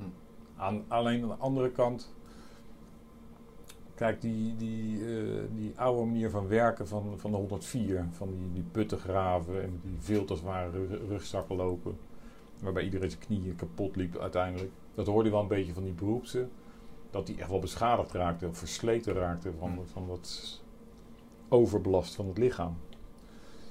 Dus ik had zoiets van, ja, als die, eh, het hele Igor-verhaal, eh, de, de, de Russen die niet zijn, en je, bent nog steeds wel met zware rugzakken en verbindingsapparatuur aan, aan het slepen, ja, dan ben je zelf alleen maar aan het, aan het slopen, terwijl het eigenlijk eh, functioneel niks meer heeft. Dus, Nee, maar er was niet iets van een, een bepaalde, weet ik wat, dat je naar iemand toe ging of zo en zei van, goh, waar gaan jullie nou heen? En zou ik daar een rol in kunnen spelen? Of je had je er gewoon bij neergelegd? Kijk, dat- we, we hadden natuurlijk wel een, eh, een selectieofficier. eh, schepers. Alleen aan het einde diensttijd was, was, was dat toch een beetje uit beeld op de een of andere manier. eh. het, die in, de, in de vooropleiding, dan heb je ermee te maken. En dan ga je, op een gegeven moment ben je afgeleverd, groene beret. En daarna, in mijn beleving, stopte het. En dan ging de communicatie via het, eh, de groene beret het blad. Hm. Want daar stonden wel die oproepen in voor de nieuw te vormen 108 commando. Ja, dat waren dan, jullie waren de doelgroep, zeg maar, voor Ja. het vullen van. Ja. Maar nooit, Nou ja, ik heb, ik heb die advertentie echt wel lang eh, bestudeerd. En het- dezelfde tijd als luchtmobiel werd opgericht. En daar, eh, dat klonk ook alweer goed, eh, luchtmobiel. nou, Alleen, mobiel, ja, luchtmobiel dan. ja, toen was al te- duidelijk dat er geen eh, helikopters waren. Dat het eh, oefenen vanuit de viertonnen werd. En dus daar werd ik ook niet echt heel erg warm van. Terwijl ik, al, ik ging studeren eh, industrieel ontwerpen. Dat had ik op de middelbare, middelbare school al besloten om dat te gaan studeren. Ehm, maar ik kwam uit eh, eh, heel fit uit de, de 104 met eh, die operatie Desert Shield die in opbouw. Ik woonde in Leiden. Ja. En ik had een flatje, eh, inmiddels was ik op mezelf gaan wonen. In, tijdens de diensttijd had ik een flat toegewezen gekregen. Aan de rand van Leiden. En dat zit dus eh, in de aanvliegroute naar Valkenburg. En Valkenburg werd gebruikt door de Amerikanen, waarbij ze al die Blackhawks vanuit Duitsland, die vlogen ze naar Valkenburg, daar gingen ze op transport naar een schip in Rotterdam. Dus ja, ik was eh, net student. En dan kwam ik thuis en dan vlogen die Blackhawks bij me voor. En we hadden net in, in juni hadden we oefeningen gedra- gedraaid met die Amerikanen. Met een oppik eh, in het veld met zo'n Blackhawk. Nou ja. En ik, ik, ja, ik woonde op de- twee hoog en ik, ik had gewoon vrij uitzicht. En denk, fuck, dit zijn die gasten waar wij mee, mee hebben gevlogen. En die gaan nu richting de oorlog. eh. Ja. Want dan gaat, nee, je voelde wel dat Saddam Hussein iets ging doen. Ik denk, fuck, die, die gaan erop. ja, en inmiddels eh, die studie, ja, dat, dat is een beetje een creatieve studie. Dus, eh, Wat wilde je worden dan? Wat, wat, wat, Ja, dan, dan ga je producten ontwerpen. Dus, ja, nee, eh, maar wat wilde jij worden? Wat, wat wilde jij daarmee worden dan? Eh, ontwerper, gewoon eh, het maken van, van eh, gebruiksvoorwerpen. Maar door die dienst die er tussendoor kwam, is dat, dat beeld een beetje gaan kantelen. Ten eerste omdat in die opleiding zaten nog weer jongere mensen. Hè. Ik was inmiddels 21 en die waren allemaal 17, 18. En een beetje creatief, dus dan mo- moest je in werkgroepjes werken. En dan had je er één of twee tussen zitten die dan gingen blowen om inspiratie op te doen. En dat soort dingen, om geestverruimend. Ja, daar kon ik op dat moment totaal niet tegen natuurlijk, dat, dat, dat cultuurtje. En ja, toch ook wat wel eh, mede door, door dienst is gekomen, dat je eigenlijk als mens helemaal niet zoveel nodig hebt. Dus eh, een beetje water en eh, koffie en thee en, en wat, wat simpel eten, dat is genoeg. Dus ik had ook niks meer met, met producten. Eigenlijk dingen maken die mensen niet nodig hebben, maar dan moet je een soort een noodzaak voor gaan creëren, zodat Ja. ze dat gaan kopen. Dus daar, dat wringde al een beetje. Dus nou ja, dat, die studie in mij, dat werd niks. Het, eh, ik was veel aan het werk eh, in een discotheek toen en, en ook in de buitensport uiteindelijk. eh. Of deed je in de discotheek dan? Begonnen gewoon vlak na dienst bij de deur, een studentendiscotheek. Ja, toch nog een beetje hang naar adrenaline. Dat, eh, ja. ja, ik, Aangemeld of zeiden hey, kom eens hier? Want volgens mij ben Nee, jij ja, ik, ik, op zich heb ik geen grote mond, maar toen wel. Want ehm, dat was een beetje, in, in Leiden was dat de, de discotheek waar de jeugd eh, naartoe ging. Eh, een bepaal- bepaalde... Het was geen studentendiscotheek, wel. Ja, de studenten, en dat, al introducee kon je met iemand mee. Dus dan Ja, moest je buiten staan, dan werd je meegenomen. En, maar goed, als je je een beetje kende, dan kon je ook wel zonder als Ja. introducent, hè, dan hoorde je een beetje, een beetje gedoogd. En toen stond er een nieuwe jongen die net in Leiden was komen studeren. En die was daar, eh, die deed aan de deur. En die kende dus niemand. En in één keer werd ik geweigerd. Nou, dat, dat, ik, toen ben ik naar die bedrijfsleider gaan. En ik zei, hoezo? Je zet hier iemand aan de deur die eigenlijk niemand kent. Dus die hele sfeer in die tent, die, er komen allemaal mensen niet in. Dus je, je, die hele sfeer haal je om zeep. En toen zei hij van, eh, kan jij het beter dan? Ik zeg, ja. Nou, eh, kan je volgende week beginnen. Oké, dus die gozer die werd ontslagen. Eh, nee, die, die bleef daar ook nog. Maar goed, je had meerdere mensen nodig. Dus, maar we zaten vlak voor eh, 3 oktober. Hè. Dat is in Leiden, Leiden Het ontzet. leidt ontzettend, ja. Daar hadden ze sowieso meer mensen nodig. Dan nu al een dubbele bezetting. Dus eh, mijn eerste werkdag was 3 oktober. Wat echt de meest drukke dag van het Ja. jaar is. Dus veel chaos bij die eh, ingang en zo. Dus, ehm, maar goed, ehm, dat heb ik een half jaar gedaan. En ik, ik ben helemaal geen vechtersbaas. Maar, eh, maar ja, goed, als er ellende is in die zaak, dan, ehm, dan erop af. En mensen eruit gooien. En, maar vaak ook gewoon met praten kwam je ook al een heel eind. eh. maar het was wel, wel, wel leuk. eh. Het sloot goed aan op waar je vandaan kwam. ja. ja. Oké. Ja, en eh, iedereen kent je dan. Weet je, wel, ah, je bent de eerste persoon die ze zien. Dus het was een heel, echt wel een leuke, leuke functie. Maar uiteindelijk dan kom je er ook wel achter van ja, dit, dit moet je niet te lang doen. Eh, want ook de verkeerde figuren die ga je leren kennen. En dat, je, je gaat eigenlijk te veel weten, dat is helemaal niet leuk. Hm. Dus toen ben ik in de, achter de bar gaan werken. Plus, ik werd ook assistent bedrijfsleider. Dus eh, ik ging wat meer binnen, ging ik eh, dingen doen. En als bedrijfsleider moest je ook overal op af namelijk. Als er ellende was. Ja. Je had dus een lampjesysteem. Ja, en als je ging knipperen, ja, dan was het wel. Hup, erop. en, eh, dus dat vond ik wel, wel, wel, dat lag me wel. Om eh, handelend op te treden Hm. dan in zo'n tent. Ehm maar kwamen we daarop? eh, oh ja, ik was veel aan het werk. Ehm, en nou ja, ik was natuurlijk nog steeds vanuit mijn, mijn, ehm, mijn hele schoolcarrière dat lessen, die waren voor mij altijd optioneel. Ja. Dus ook bij die, die, eh, die HTS-studie eh, ja, vond ik lessen op- optioneel. Als ik eh, de examens haalde, moest dat genoeg zijn. Maar hij is toch vrij klassikaal, toch? Zo'n HTS? Precies, dus, Ja.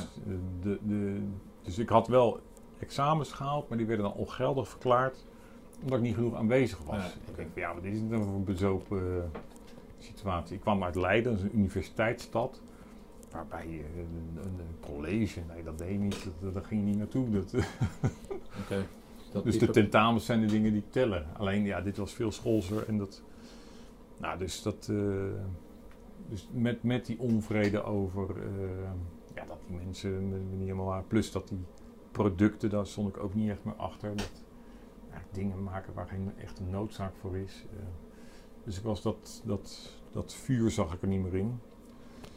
En. ehm, dus ik ben eh, uiteindelijk in dat andere werk, dus het, het buitensport, eh, blijven hangen. En dat, eh, die Hoe, ziet dat eruit, buitensport? Wat is buitensport? Ja, kijk, dus ik- als studentenbaantje had ik die, die, die discotheek, maar steeds, dat was de tijd dat de Ardennen eh, activiteiten, weken en weekenden voor bedrijven en scholen opkwam. Ehm, de oud-sportinstructeur van KST die had zo'n bedrijfje begonnen, Pim Cornelissen. En eh, ja, via Patrick en via Peter de Bel, die, eh, toen nog leefde, eh, daar eh, terechtgekomen. En ja, hartstikke leuk. En, dus ik ben heel veel bezig geweest met, met, met van die outdoor activiteiten. Klimmen, grotten, fietsen, kanavaren. En eh, altijd met, met mensen die dat eigenlijk eh, niet gewoon waren. En Maar jij werd dan als soort ZZP'er je ingehuurd of ja, zo? vast Of per project ja, of per week? Freelancer. Per... Ja, ja, oké. En uiteindelijk ehm, ben ik terechtgekomen bij een eh, bedrijfje eh, in Leiden die dat organiseerde, door een oud ook. Ja. Eh, een jongen van die het CIOS had gedaan, die na het KST ook zo'n zo'n buitensportbedrijf was begonnen. Daar ben ik gaan werken. Eh ik heb het over 96 zo'n beetje. 95, 96. Eh, ja, hartstikke leuke tijd gehad. Die, die zat veel in Hongarije. dus met hem met een groep naar Hongarije en dingen doen. Dus dat hele studeren, dat heb je aan de kant geschoven. Ja, dat heb ik. eh, Worden beschoten, maar het maakt ons niet ja, uit. toen, toen uiteindelijk die cijfers ongeldig werden verklaard en ik het over moest gaan doen, denk ik van ja, waar ben ik nou mee bezig? Dat, eh, dus toen. eh, Maar universiteit was geen optie voor je dan? Ja, die, de- de- de- ik had... eh, Wat kende je van je vader? Ja, toch? S'nachts ja, studeren. alleen mijn vakkenpakket wat ik gekozen had. Ik had eh, een heel raar pakket met wel natuurkunde, maar dan alleen wiskunde A.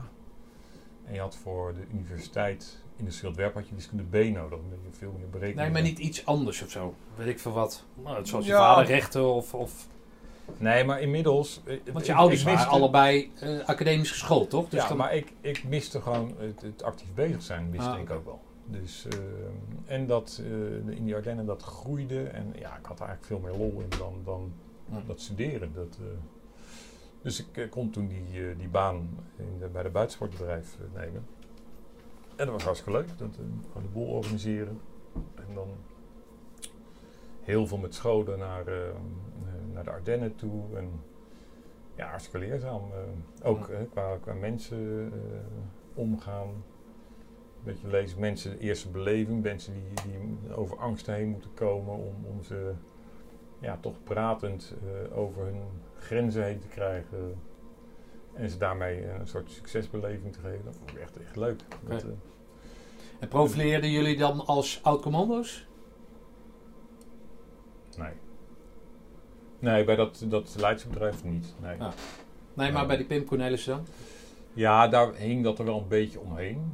Eh, zonder dat we dat heel erg etaleerden. Maar je werd vaak wel zo geïntroduceerd. Ja, Ja, zijn oké. allemaal oud-militairen. En, eh, Niet zozeer, niet echt commando's hoor. Maar, maar eh, het was iedereen wel duidelijk dat we eh, ergens, ergens vandaan kwamen.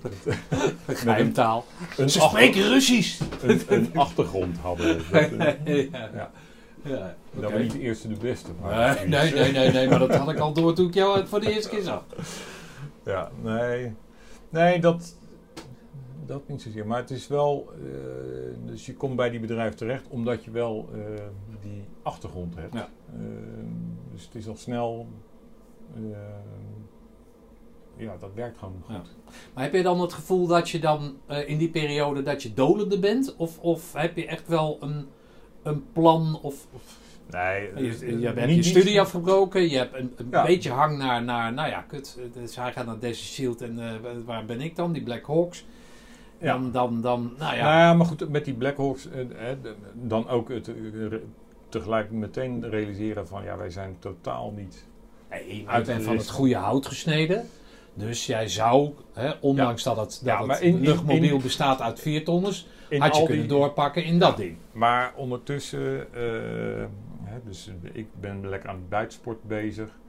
En eh, ik doe eigenlijk allemaal dingen die, ik- die ik zelf eh, qua, qua activiteiten leuk vind. En ik heb niet, hè, dat, dat, dat hele kazerneleven, dat was niet helemaal mijn, Ja. mijn favoriete ding. Dus die last had ik niet. En op de tv zag je eh, de Joegoslavië-oorlog, eh, het, eh, het speelbal zijn van de, van de NATO. En ik van ja,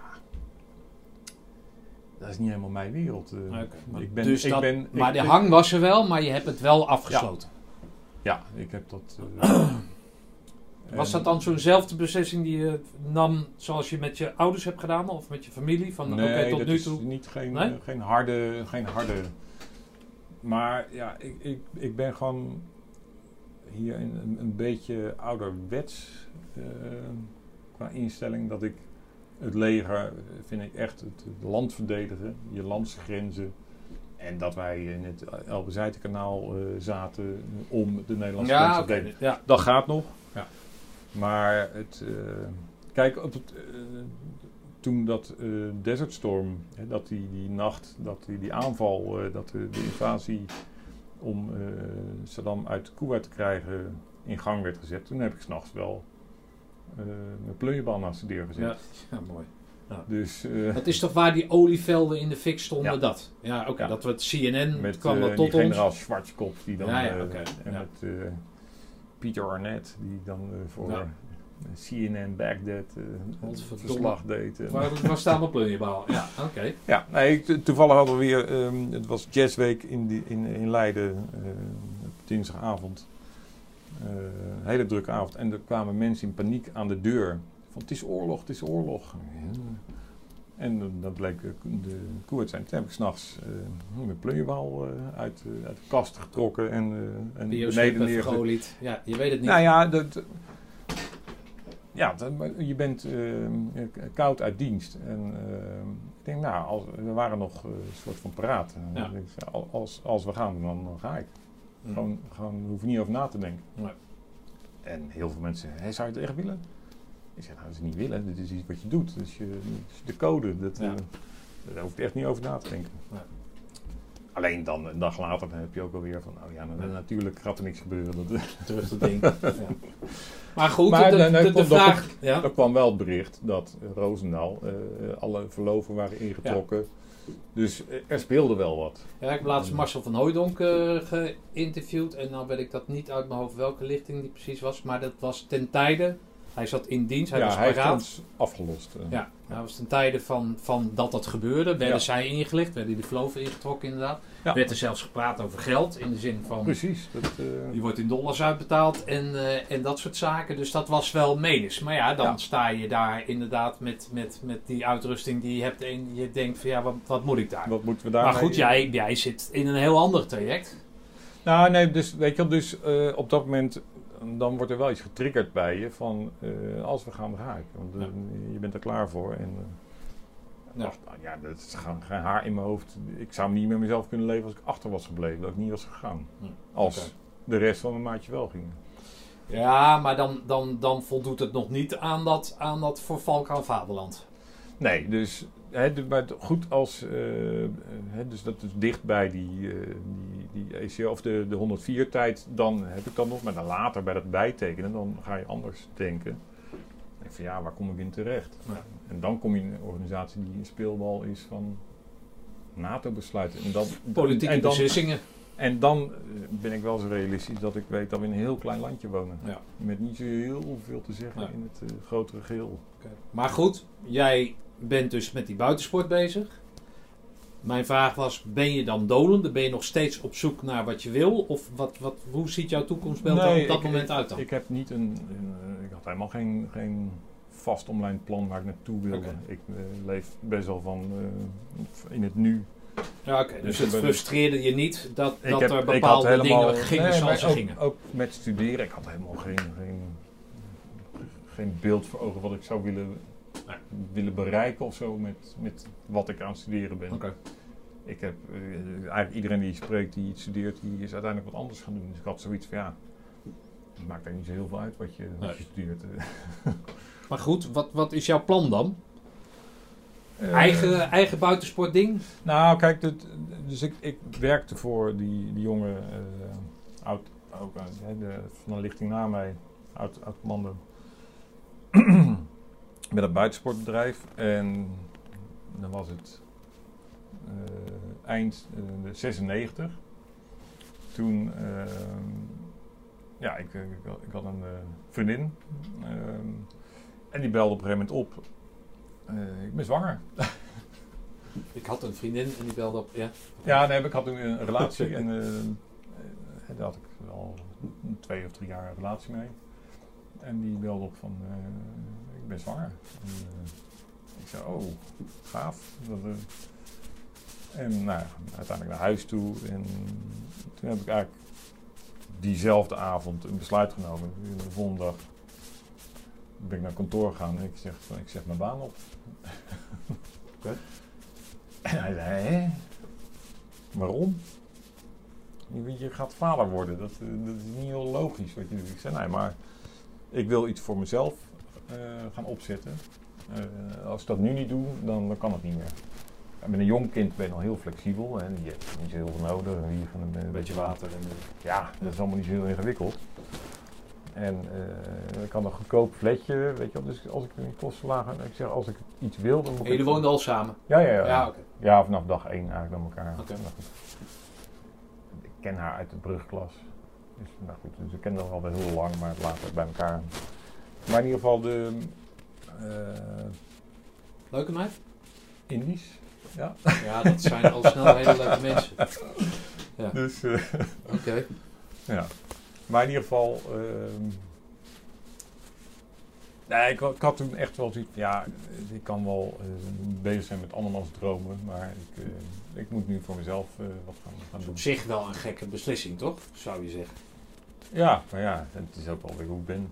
Ja, nee, nee, tuurlijk. Jongen, We zijn zo benieuwd naar het verhaal hierna. Maar het is natuurlijk op zich een, een gekke beslissing, of niet? Ja, nou, nee, ik vond hem heel logisch, want... eh, Het, het klinkt als van, eh wat als- het ook alweer? Eh, nou ja, en, en dat raad ik namelijk iedereen toe. Ik ben niet zo'n wereldreiziger, maar er zijn natuurlijk mensen die willen graag een wereldreis maken. Nou, doe dat voor je studie, want daarna gaat het nooit meer gebeuren. Ja. Ja, toch? En Ja. jij zegt dan, maar ja, dan komt het na- na je groene bret het mooiste wat er is. Dat is een kind en dan besluit jij zeg maar risicovol het leven in te gaan. Dat is toch, wat Ja, zegt je wat vriendin is- daarvan dan? Wat, wat is risicovol? Nou, dit- Nou ja, die- die een vast salaris is toch veel, veel makkelijker? Nou, maar het was ook weer niet... eh, kijk, er, waren, er speelden wel een paar, een paar andere dingetjes, weet je wel. Dat, eh, ik, zou partner worden in die organisatie en dat kwam er uiteindelijk allemaal niet van. Dus Ja, eh, oké. Weet je wel, dus de, de toekomstperspectief wat er lag, dat werd niet helemaal ingelost. Dus er kwam ook een Eh, beetje dat- frustratie bij. Nou, dat geen frustratie, maar wel een duidelijk signaal van als ik het moet doen, dan moet ik het nu doen. Dus, eh, en niet dat ik dan direct wist hoe ik dat ging doen, maar... Je eh, wist ook niet wat je ging doen. Nee. Dus ik had eh, zeg maar hal, ik zei van dan ga ik. eh, nou, ik had was. eh,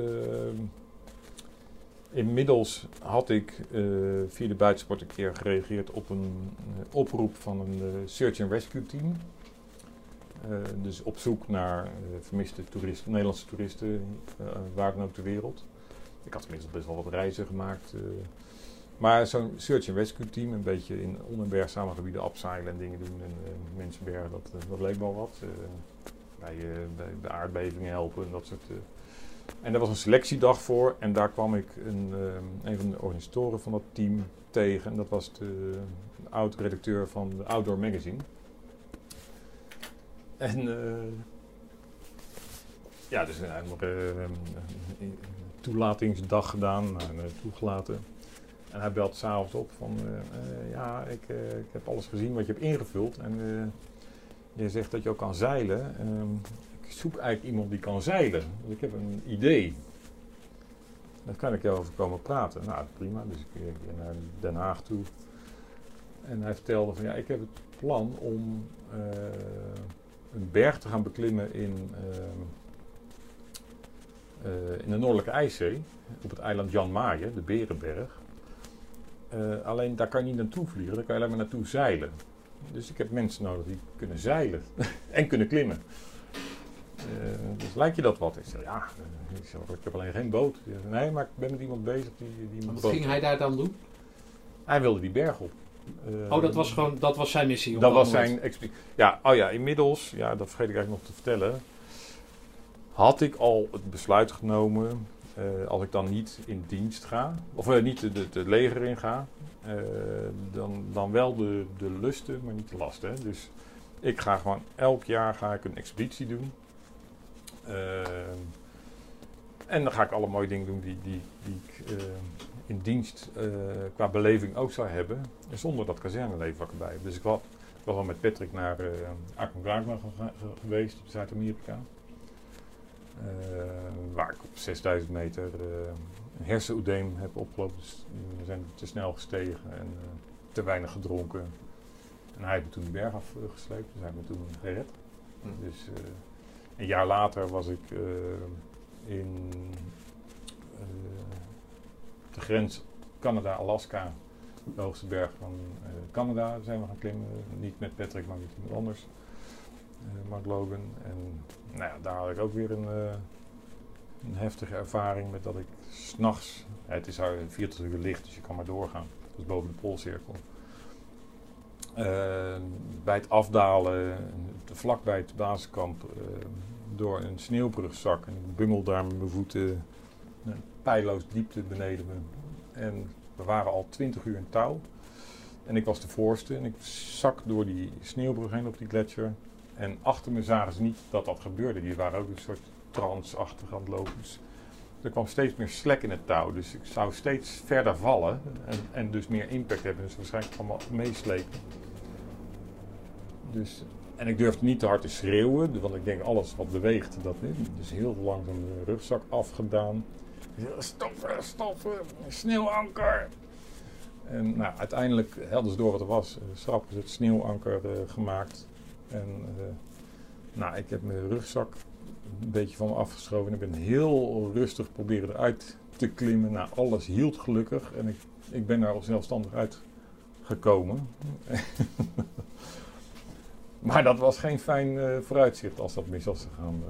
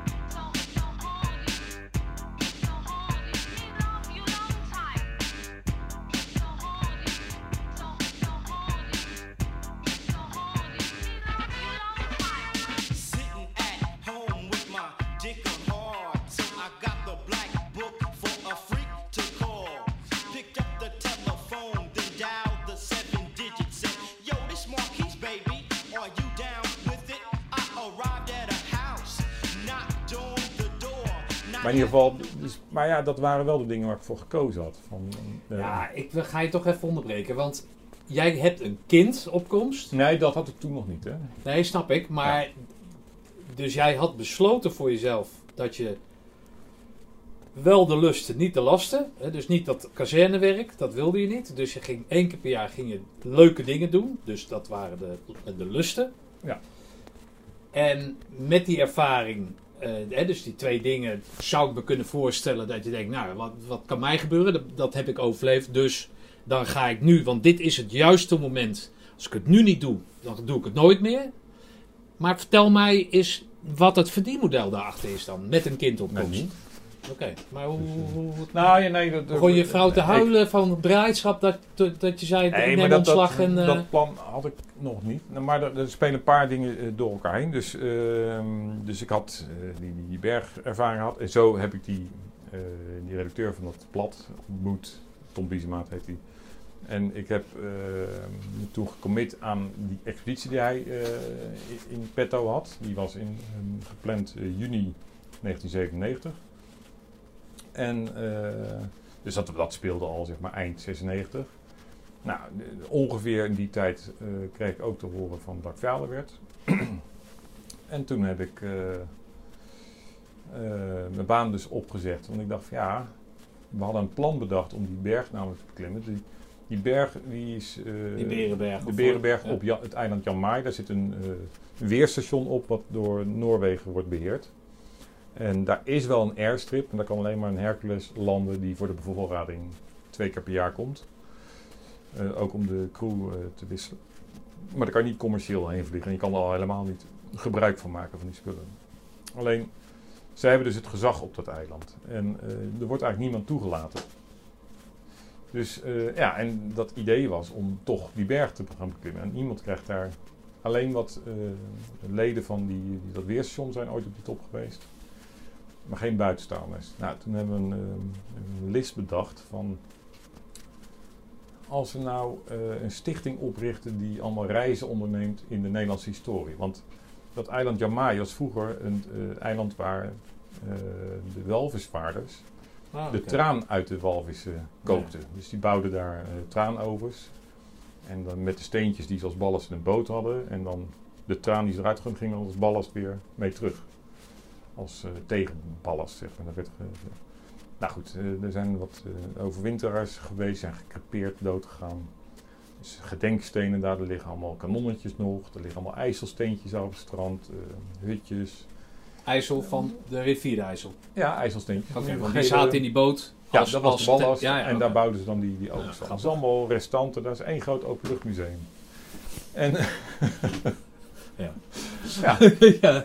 Maar er, zit, er is dus een hele duidelijke eh, historische band tussen Nederland en... En daar maakten jullie met, met die stichting maakten jullie daar gebruik van. nou, ja, dus als, als de- we gaan gewoon zeggen dat we een stichting zijn die eh, expedities onderneemt eh, in de Nederlandse historie. En dan gaan we naar de, de ambassade en dan gaan we aan de Sisselman, gaan we, of via de ambassadeur gaan we aan de Sisselman toestemming vragen om daar te mogen doen. Dus, nou ja, eh, we hebben een plan ingediend en toen moesten we daar op eh, audiëntie komen. En dan zegt die ambassadeur van dus, eh, dus, oh ja, stichting, dus jullie willen daarheen zeilen met een bekende zeiler. We hadden allemaal ook aanbevelingsbrieven van Henk de Velde over het zeilen. Nou, dat is, ja. Ronald Naar eh, voor het klimmen. Want hij, Tom die had met Ronald Naar eh, geklommen op uh, Mount McKinley. Dus uh, allemaal bevriend, weet je wel. Dus, die, dus hadden we allemaal van best wel eh, de, de top van Nederland. Ja. En de zeiler waarmee we zouden gaan is Eerder Beulakker. Dat is een, een bekende schrijver die over zijn reizen schrijft. Zijn, zijn schepen zijn helemaal gebouwd om in de Arctic eh, te zeilen. En ja, dus we kwamen met een heel boekwerk aan, aan aanbevelingen en, en een plan. En eh, dus die, En dat was zijn- voor mij in het beeldvorm de, de, de Nederlandse ambassadeur of de Noorse ambassadeur? Ja, het was de, de, de Noorse ambassadeur, ambassadeur in Nederland. In Nederland. Oh ja, Ja. oké. En ehm, dus die, eh, die zei toen van, dus als wij eh, geen toestemming geven voor die plan, dan, dan dwarsbomen we eigenlijk nu de culturele uitdragen van... ja, dat klopt. Nou, dan moeten we maar toestemming geven, zei hij. dus we hadden toestemming en dat was uniek.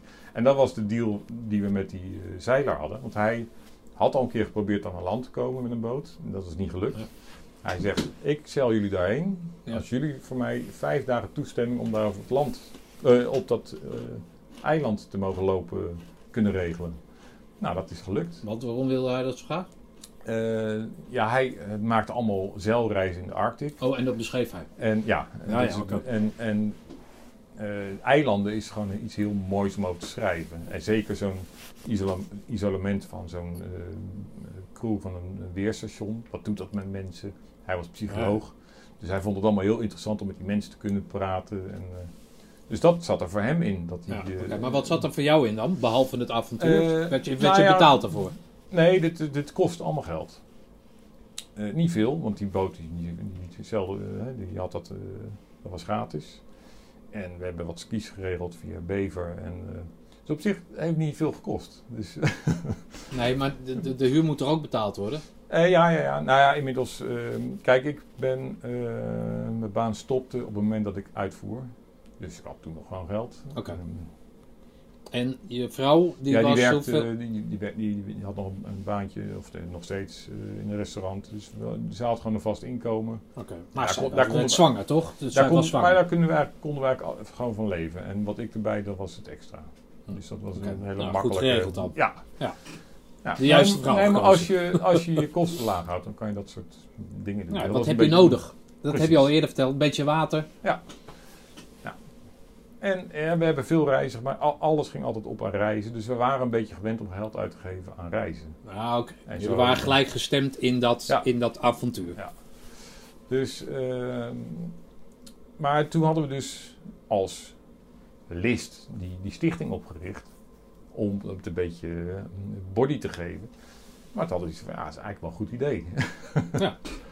Dus wij hebben toen ehm, die zeiltocht eh, ondernomen. We zijn in juni eh, vertrokken en we zijn op eh, ja, 25, of nee, eh, 18 juni kwamen we aan. Nou, de, de- uiteindelijk hebben we drie dagen over gedaan om op de top te komen. Dus op 21 juli, de langste dag, stonden wij op de top van de Berenberg.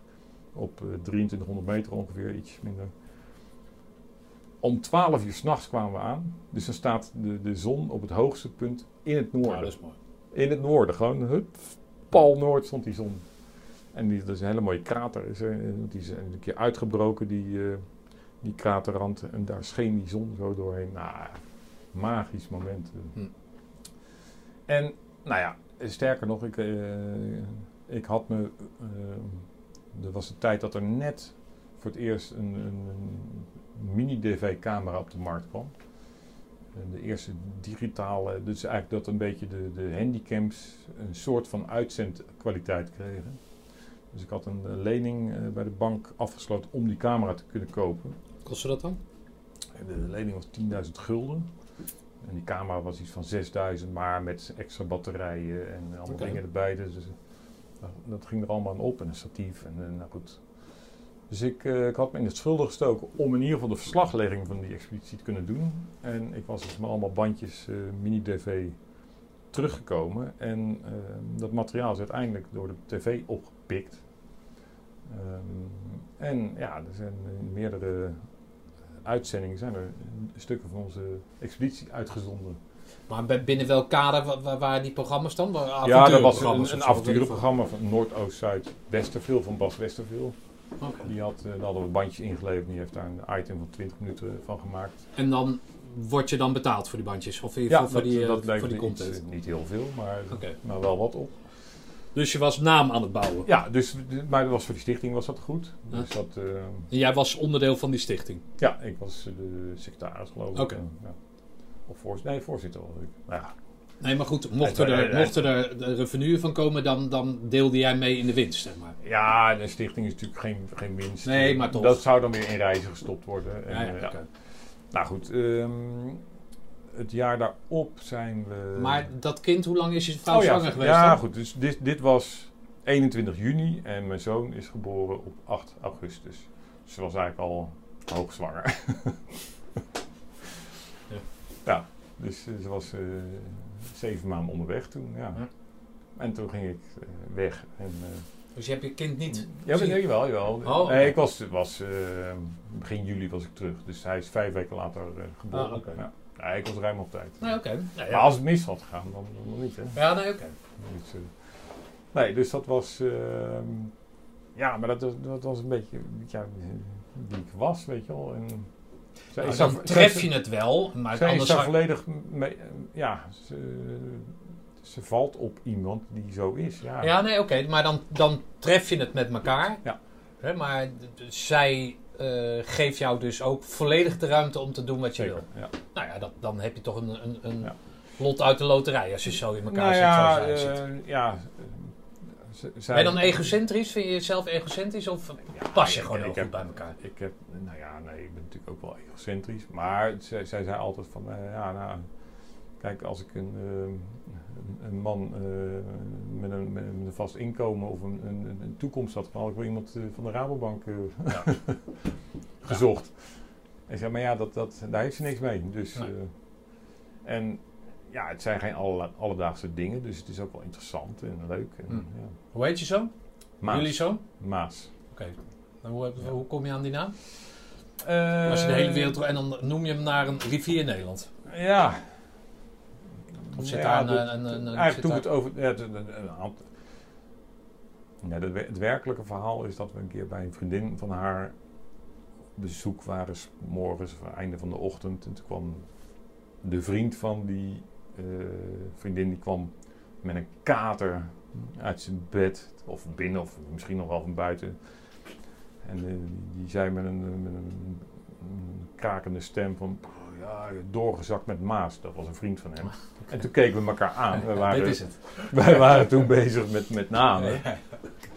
Dat Ja, is hem. En uiteindelijk eh, bleek zij ook iemand te kennen die, die Maas. Achteraf vallen heel veel dingen op elkaar. Hm. Toen we het over, eh, eigenlijk een beetje het besluit hadden genomen dat we over kinderen gingen. Toen waren we in Maastricht. Ja, goed, op een gegeven moment dan Ja, ga je, dan, dan denk je van, oh ja, die, die naam die, die was er al ergens. En Ja. Nu, dit was het moment, we keken elkaar het was geen discussie, dat was de naam. En ja, de, lekker kort. En, eh, Oké. Maar goed, die wordt dus geboren. Jij bent net terug, of net, net op tijd, Ja, maar oh in ja, en- ruim op schouders op Een, tijd. een, een voorwaarde voor een naam. Kijk, ik, eh, eh, we wonen dus in Leiden. En mijn naam is altijd lastig. In de, de Leiden hebben we de R.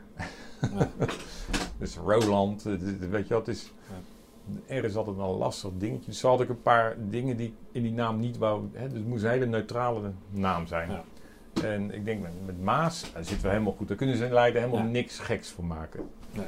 Tot we, toen hij geboren was, eh, dat ik naar de buurvrouw ging. Een heel Leids eh, vrouw. En ik zeg, eh, we, we hebben een zoon. En eh, ze zei, oh, hoe heet die?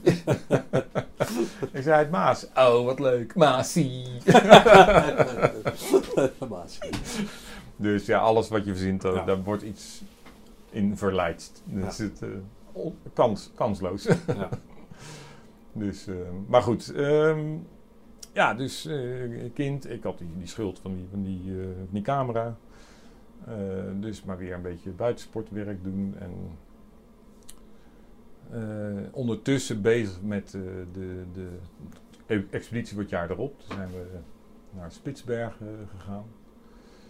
Eh, daar gingen we een ski-travers doen van het Zuideiland. Zijn we naar Longyearbyen gevlogen. Hebben we ons eh, een bootje af laten zetten. Een klein bootje op een, ja, het soort eh, het Zuideiland. Hebben een hele lange tocht gemaakt naar een eh Pools weerstation. Ja, weer een weerstation. Het, is niet anders. En toen hebben we ons laten oppikken door een eh, Nederlands zeilschip. Een van die grote klassieke schepen, eh, de Noorderlicht. En, Een soort schoenenachtig ding. schoener, ja, een, Ja, een mooie schoen, een rode. En ehm, ja, die heeft ons daar in, in mistig weer, heeft hij ons daar van die landtong afgepikt. Echt fantastisch. eh. En toen zijn we met dat schip ehm, naar Noorwegen gezeild. Oké. En nou, we wilden altijd avontuur. We is wie? We? Dat is Ja, nog die- steeds... Met, met die kompion. eh, ja, ja, oké. die, die Tom en, en nog iemand. eh, waarmee we die expedities in die historie dus deden. Ja. Kijk, hier hadden ook weer, eh, ook weer walvisvaart. eh, een aantal eh, mensen gezeten in die walvisvaarttijd. En dan schreven wij stukjes. nou, dat mijn collega schreef het dan. Over het avontuur met de historie erachter. En ik maakte de beelden. Maar waar, aan wie verkoop je dat dan? Of wie zijn daarin geïnteresseerd? Nou, niet op voorhand, dus achteraf gingen we daar iets mee doen. Uiteindelijk is die, dat materiaal van Spitsberg, ja, dat, dat was, we hadden een heel slecht jaar, eigenlijk te warm. Het was net zo rond, rond vriespunt, eh, dus heel veel dingen aan het dooien. En, dus die camera die had wat schade opgelopen met, met eh, vocht. Dus ik had niet compleet materiaal, dat was een beetje jammer. Hm. Dus dat was eigenlijk een beetje mislukt. Maar ja, wel een hele mooie tocht gemaakt. Dus dat, hard. spelen. ja, toch? Wat heb je nodig? Een beetje water? Ja, maar toen kwamen we er wel achter van, oeh, dit is wel, we hebben wel een aantal artikelen verkocht. eh, dus daar kwam wat geld van binnen. Maar het, het, het was niet heel, eh, geen vetpot. eh. Hm. Er moest nog steeds geld bij. Dus ik werkte nog wel hier en daar als freelancer in die buitensport erbij. Tot we uiteindelijk bij een reclamebureau terecht zijn gekomen. Die had wat materiaal gezien van ons. En die waren bezig. Die wilden voor Van Nelle, de, de zware check. Eh, die wilde een soort evenknie maken van de Camel Trophy, maar dan maritiem. Oké. En de Camel Trophy dat was vroeger echt een, een, dingetje. Dat, eh, was van Camel, toch? Ja, die, Ja. dus met Dus die als sponsor de Camel en dan... ja, die, die, die deden de- die met Land Rovers, Ja. uit de wereld van die heftige eh rij-expedities eh, met heel veel Ja. mooie foto's en, eh, en beeldmateriaal. Dus dat was, dat, dat, en dat, die selecties daarvan, dat, dat leefde heel erg in Nederland. Hè? Dus dat, eh, daar kwamen ontzettend veel mensen op af. Dus dat was PR-technisch voor Camel heel interessant. Nou, Van Nelle wou zoiets, maar dan ma- maritiem.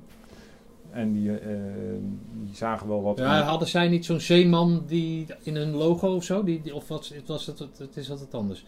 Die iets van check rookt of een, met een pet op? Of, Ja, dat is zoiets. Ja. Ja, misschien dat het Ja, daarom dan drum, maar- van mij Drum en Vanille, dat komt allemaal uit dezelfde fruit volgens mij. Die hadden wel een beetje dat maritieme. Ja, ja, eh, oké. achter. En Zware Vanille was altijd wel de, de, de, de check die je bij winkel 10 nog steeds proeft Ja. of zoiets. eh. Ja, ja, dat is lekker hoor. Dus, eh, maar die, eh, die zagen wel wat in een historisch verhaal in, in Groenland. Eh, en toen hebben wij voor, in samenwerking met dat eh, reclamebureau, een expeditie georganiseerd in, in Groenland. Eh, met selectiedagen om mensen, hè, de, de checkrokers, eh, een zeilreis van IJsland naar eh, Groenland eh, te laten doen. En daar dan nog wat te klimmen en te doen. Want wij combineerden altijd eh, een aantal disciplines. Dus we wilden nooit alleen maar klimmen of alleen maar skiën of alleen maar Hm. altijd meer dingen. Die- Jan Maaien was eh, zeilen, klimmen en skiën. Daar zijn we vanaf gekiet. Eh, Spitsbergen was skiën en eh, die zeilreis eh, terug. En moesten we overigens nog een, een eigen geweer kopen en zo tegen de ijsberen. Omdat wij, nou, dus daar was ook, hebben we lekker geschoten daar op die eh, gletsjer. En dat, toen we eenmaal bijna aan boord waren, we alles opgeschoten. Ja, en dit was een, echt een commercieel verhaal. Er werd dik voor betaald door Vanelle om in ieder geval die mensen, twee deelnemers mee te nemen op zo'n maritiem avontuur eh, in Groenland. Dus die hele voorinvestering van dat ding, dat, dat begon nu vorm te krijgen. Of dat begon nu zeg maar in een te vallen ergens. Ja, het, het werd opgepikt en Ja. eh, het begon een beetje te leven. Nou, alleen we hadden eh, ehm, een zeiler te pakken gekregen, die, een van de redacteuren van het blad Zeilen.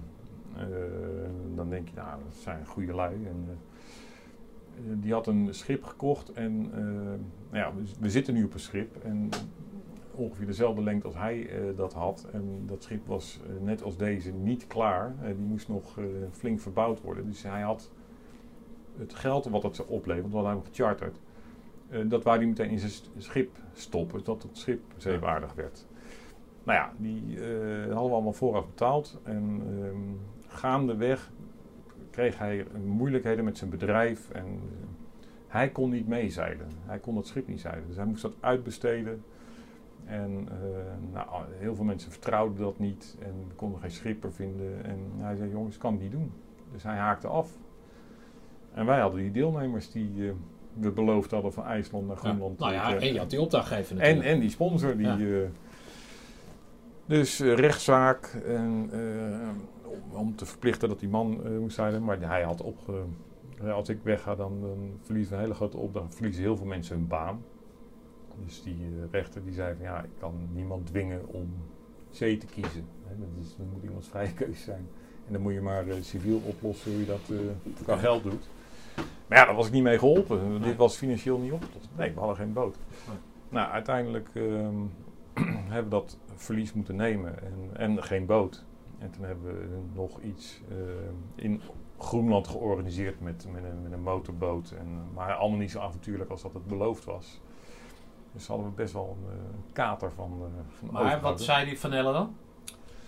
Ja, toch wel begrip. Ja, we hebben er alles aan gedaan om het, hè, met die rechtszaak en alles, eh, om dat voor elkaar te krijgen. En ze hebben ons extra weer geld gegeven Oh. om iets alternatiefs te doen. Ja, zij stonden ook met de rug tegen de muur. Ja.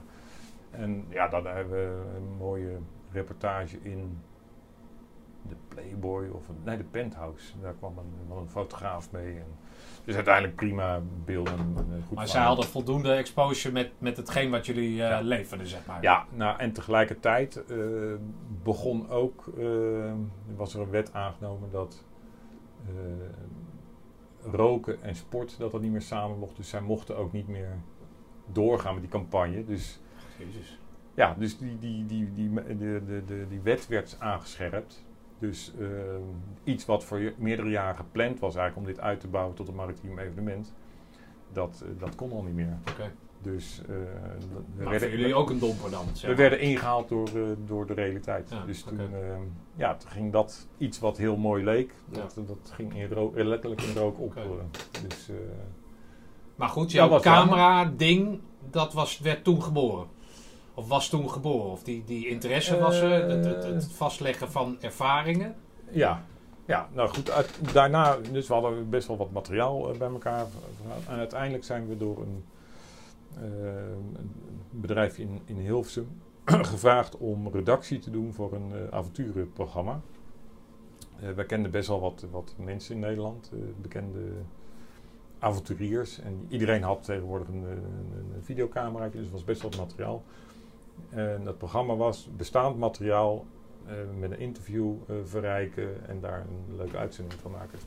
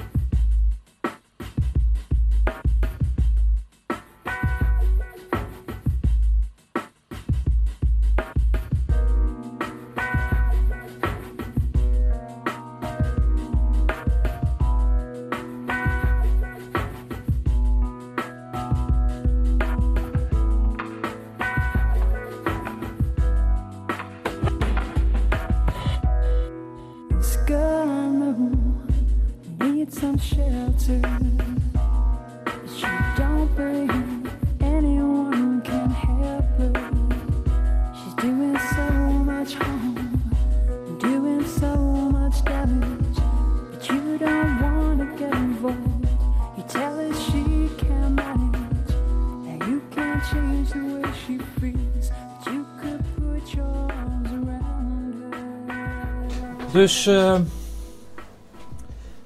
jij hebt die camera. Die ben je aan het afbetalen. Je maakt mooie dingen.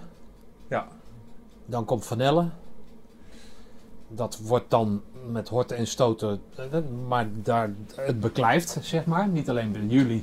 Want jullie vinden dat natuurlijk alleen maar prachtig, die, dat soort dingen. Maar het commercieel wordt het ook steeds aantrekkelijker. Eh, nou, het was niet meteen eh, die, eh, die videocamera die het heeft gedaan. Het schrijven was altijd een belangrijk ding. Dus Kan jij schrijven dan? Of was dat, was maar die, die collega, die collega, die, die, ja. die, die, die oud-redacteur van het, de Outdoor Magazine, die kon goed schrijven. En we waren ondertussen ook al bezig met de redactie doen van een elektronisch magazine voor Planet Internet. Toen ja, had je kranten en dat werd een soort van internet. Dat was een hele korte tijd dat die dingen heel erg populair waren. Je had een provider die gaf jou informatie als je inlogde met je, je ISDN-lijntje. Eh, ja, wij maakten een, een elektronisch magazine over avontuur. En via dat zijn we toegevraagd door een bedrijfje in Hilversum om een avonturenprogramma te maken, de redactie daarvan te doen. En dan maakten we gebruik van heel veel van ons eigen materiaal. Ja, handig. had, dus eh, dat mes sneed aan twee kanten. Ehm, ja, en dat, toen heb ik wel een beetje de, de, passie ontwikkeld om in die tv-wereld eh, bezig te zijn. Dit was dan redactie, uiteindelijk ben ik ook de eh, montage wel gaan doen. Eh, maar heel leerzaam. Alleen ja, vlak voor aflevering 12 ging dat bedrijf, bedrijf zo'n beetje failliet. Want het kost allemaal meer dan het opleverde. Want het was voor SBS 6 ook op de zondagmiddag. Adventure Time heette het. Ehm, dus de laatste facturen zijn nog niet, niet betaald. En dus het, het- altijd weer dat geld wat, wat Ja. de roet in het eten gooit. eh, nooit gaat het eens een keertje echt vanzelf. Dus, eh, en ja, goed, dus ehm, daar zat ook geen verdere toe, geen ontwikkeling in. Dus eh, nou ja, ondertussen ehm, de internetbubbel die, die klapte in 2001 of 2000 zo'n beetje ook. Dus dat de hele Planet Internet eh, stopte ermee. En toen hebben we eigenlijk uit de stichting eh, de stekker getrokken van ja, het, al die reizen die we doen, we, we- de opbrengsten zijn minder dan dat we er eh, aan kwijt zijn. Hm. Eh, of in ieder geval, we konden er geen, niet twee inkomens uit, uithalen. Dus toen zijn we eigenlijk eh, gestopt. En elk ons eigen weg gegaan. Ik ben weer die, eh, die buitensport, nou niet helemaal de buitensport ingaan, maar meer evenementen eh, gaan doen. Nou, gewoon als freelancer weer. Ik timmerde ook een beetje met eh, eh, shop-in-shops bouwen voor een kledingmerk, voor een, ski-kledingmerk, via via. Dus ja, gewoon, gewoon zorgen dat het brood op de plank komt, heel simpel. En het was, ehm, ja, met, met avontuur je geld verdienen is best wel lastig gebleken. Ja. Eh, want de reis is allemaal heel duur. En, eh, en een inkomen daar overhouden, dat is eh, een moeilijke kost. Dus nou, dat heeft een beetje doorgesudderd tot aan 2004. Toen heb ik mezelf in, in een soort van radeloosheid getest van ja, ben ik überhaupt nog wel geschikt om, om mocht het nodig zijn om een kantoorbaan te doen. Daar was ik een beetje benieuwd naar aan het raken van ja, dat dat freelance, eh, dat, dat, dat is eh, te doen. Maar ja, zodra er iets in de markt verandert, dan, dan, dan moet je je hele plan weer wijzigen. En dan duurt het weer even voor je weer, weer weer verdient. Dus het was een beetje een zaagtandmodel. Ja. Eh, dus toen heb ik gezegd, ja, ik ga gewoon eens een keer proberen om een jaar toch weer eens een, een vaste baan te doen. Eh, er kwam inmiddels een tweede kind aan. Hoezo weer? Dat heb je toch nooit gedaan? Een, een tweede kind kwam er. Nee, ja, dat had je al een keer gedaan. Die heet de Maas. Nee, maar weer een vaste baan. Dat, die, dat, Nou weer, ja, dat dit- weer had je toch niet? Jawel, ik had bij dat buitensportbedrijf toen die, vaste baan die ik. Ja, oké, maar, dat, maar je hebt het over kantoorbaan, heb jij het. Ja, goed. En kantoorbaan staat toch voor heel iets anders dan, Ja. dan hè, of niet? Nou, het was een, gewoon eh, een experiment eh, slash... eh, Noodzaak. ja, noodzaak, maar... Ja, en, en ook oprecht eh, als, als vraag, ja, ben ik er überhaupt geschikt voor? Ja.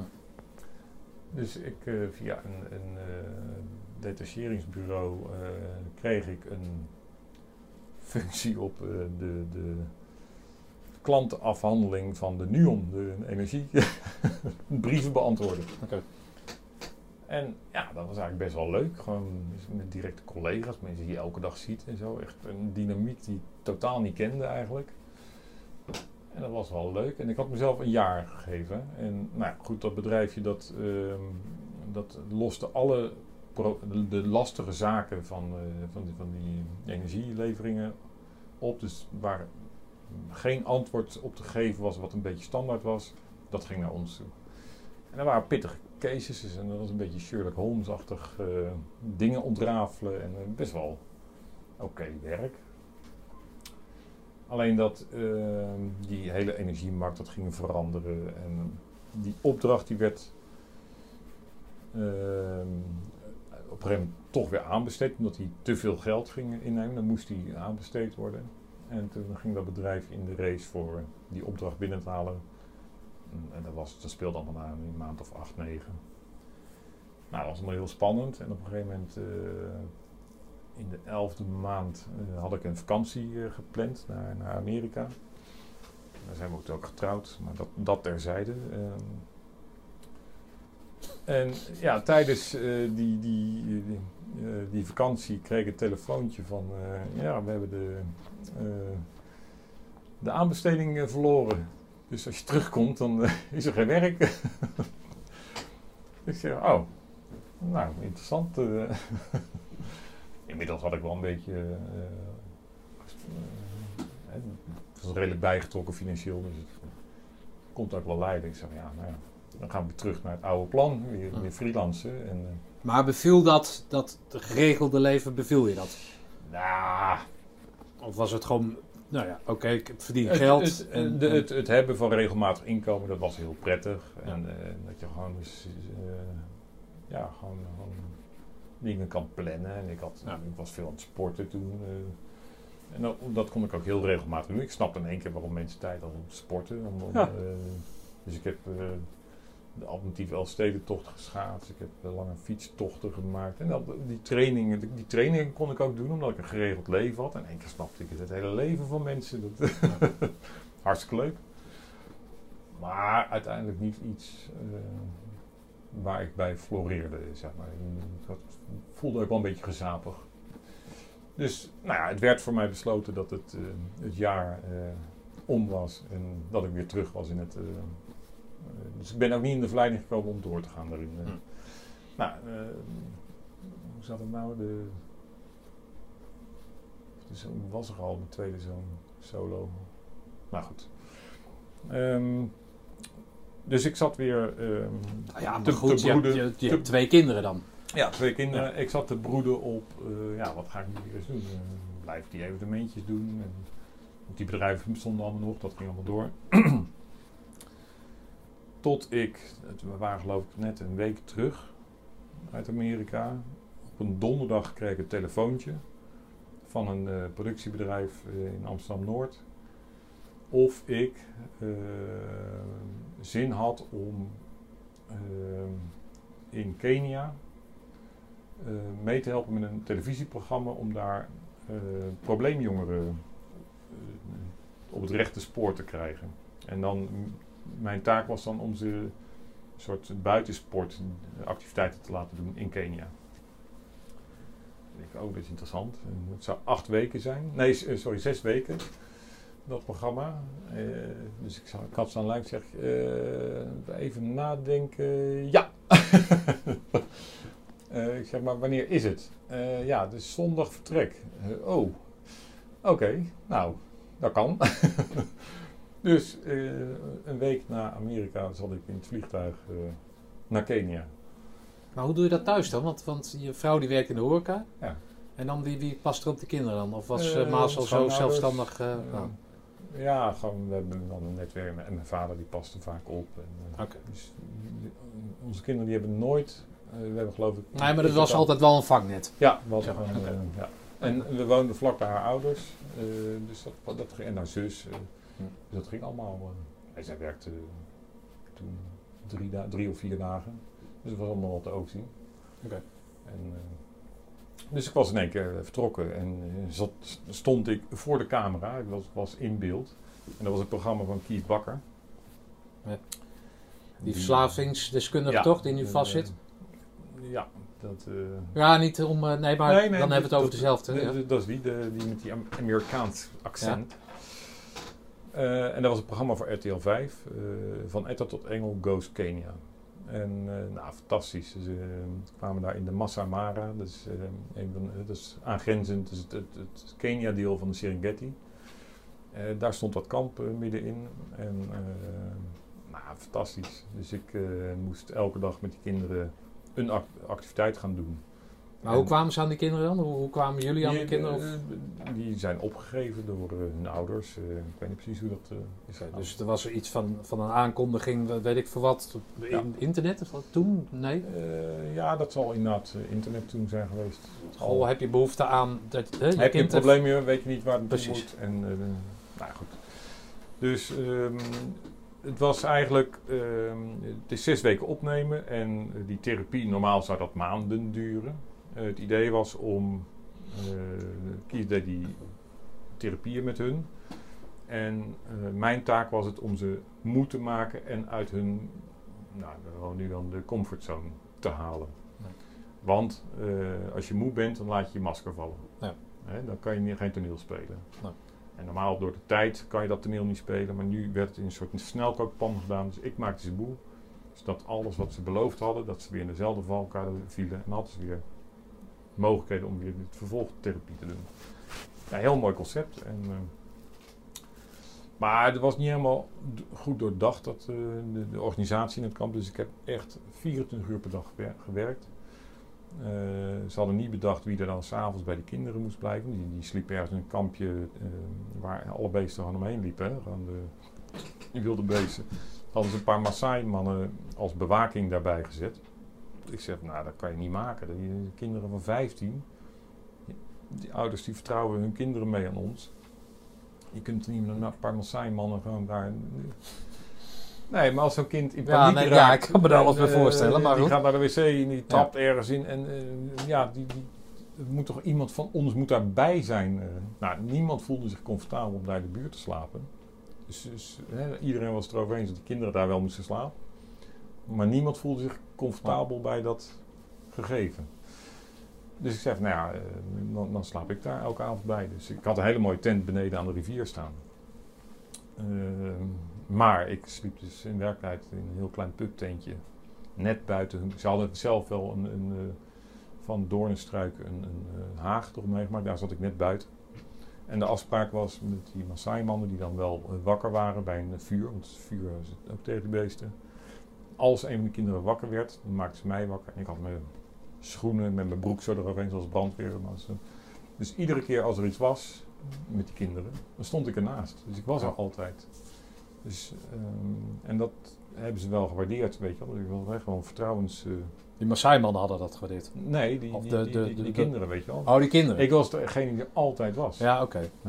Maar, de, Maar de- die productieleider moet het dat toch ook gewaardeerd hebben, of niet? Want Nee joh, die zit met een hele beetje feest, feest te Ja? vieren. Die, die, Ah. ja, die, die gek die gaat daar een beetje boven. Ah. Ze vonden het allemaal niet nodig. Eh, maar goed, dat was mijn...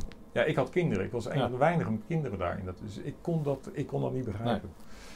Dus ehm, nou, de, de, de verdiensten waren niet heel groot van dat ding. Ehm, maar als ik te- tegen de uren die ik erin gestopt had eh, ging zetten, dan werd ik helemaal gek. Dus ehm, ja, dat we ook weer gedoe met, met geld. Eh, Het duurde lang voordat ik mijn geld kreeg zo. Dus ik dacht van nou, wat wereld is dit joh. Maar goed, ehm, ondertussen werd ik wel opgepikt door iemand die ehm, eh, locatie eh, geregeld had. En die vroeg van, eh, zeg, vind je het leuk om te helpen bij een ander programma, Goed uit de Rimboe. Dat, dat was toen best wel een spraakmakend programma. dat liep al. Ja, dat was al een, een hit op tv toen. Hè? Ja. Dat is met die eh, gezinnen die, eh, die gaan dan eh, drie weken bij een stam leven. Ja. En het return-programma, daar gaat het eigenlijk om. Dan wordt die stam in Nederland gehaald. Ja. En dat is een beetje een Ja, spiegel. prachtig format. Dus, ehm, dus ja, en zo ben ik eh, dat team gaan ondersteunen. En zo ben ik eigenlijk in het productiewerk. Want ik had wel wel door dat voor de camera staan, dat was helemaal niet mijn ding. Maar wat, wat houdt productiewerk precies in? Wat is, wat is de definitie van Locaties productie? regelen, de, zo'n stam eh, eerst zoeken. Ja, eh. En dan afspraken gaan maken en eh, ja, zorgen dat... Ja, het ligt dus op de tekentafel. Het, de, de, de, de, Ja. de, de omroep die zegt, nou, dat, daar, daar zien wij wat in. Ja. Dan word jij opgetrommeld en dan zeggen ze van, joh, dit is het, dit is het, het plan. Dat en dat hebben we voor ons. En ga jij het maar regelen? Werkt dat dan zo? ondertussen even een paar broodjes. Lekker, man. Even. Maar werkt het dan zo? Ehm, ja, toen was ik eh, nog geen productieleider. Nu ben ik productieleider. En dan gaat er inderdaad eh, in zo'n... eh, ja, van een verkocht idee moet het dan eh, in, een, in een praktische uitvoering gaan komen. En ja, ik ga dan naar de haalbaarheid kijken van al die ideeën. En uiteindelijk ga ik op reis om de plekken te vinden waar dat kan. En gaandeweg schaaf je zo alles een beetje bij, zodat het allemaal, allemaal, allemaal past. En ook financieel.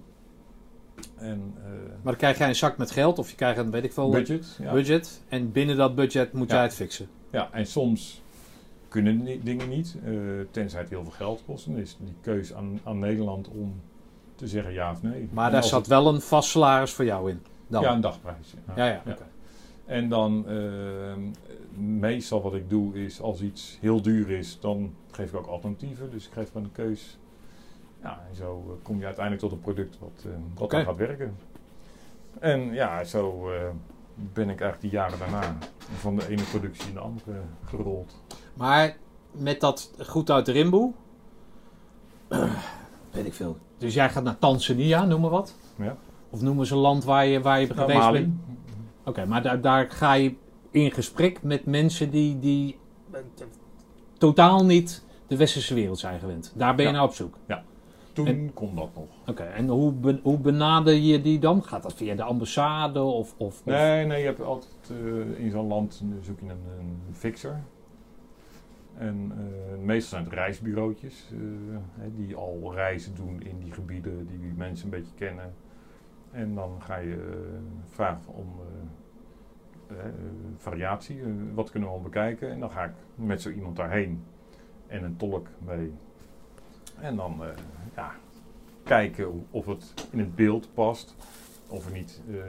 want het is heel belangrijk om de, de kandidaten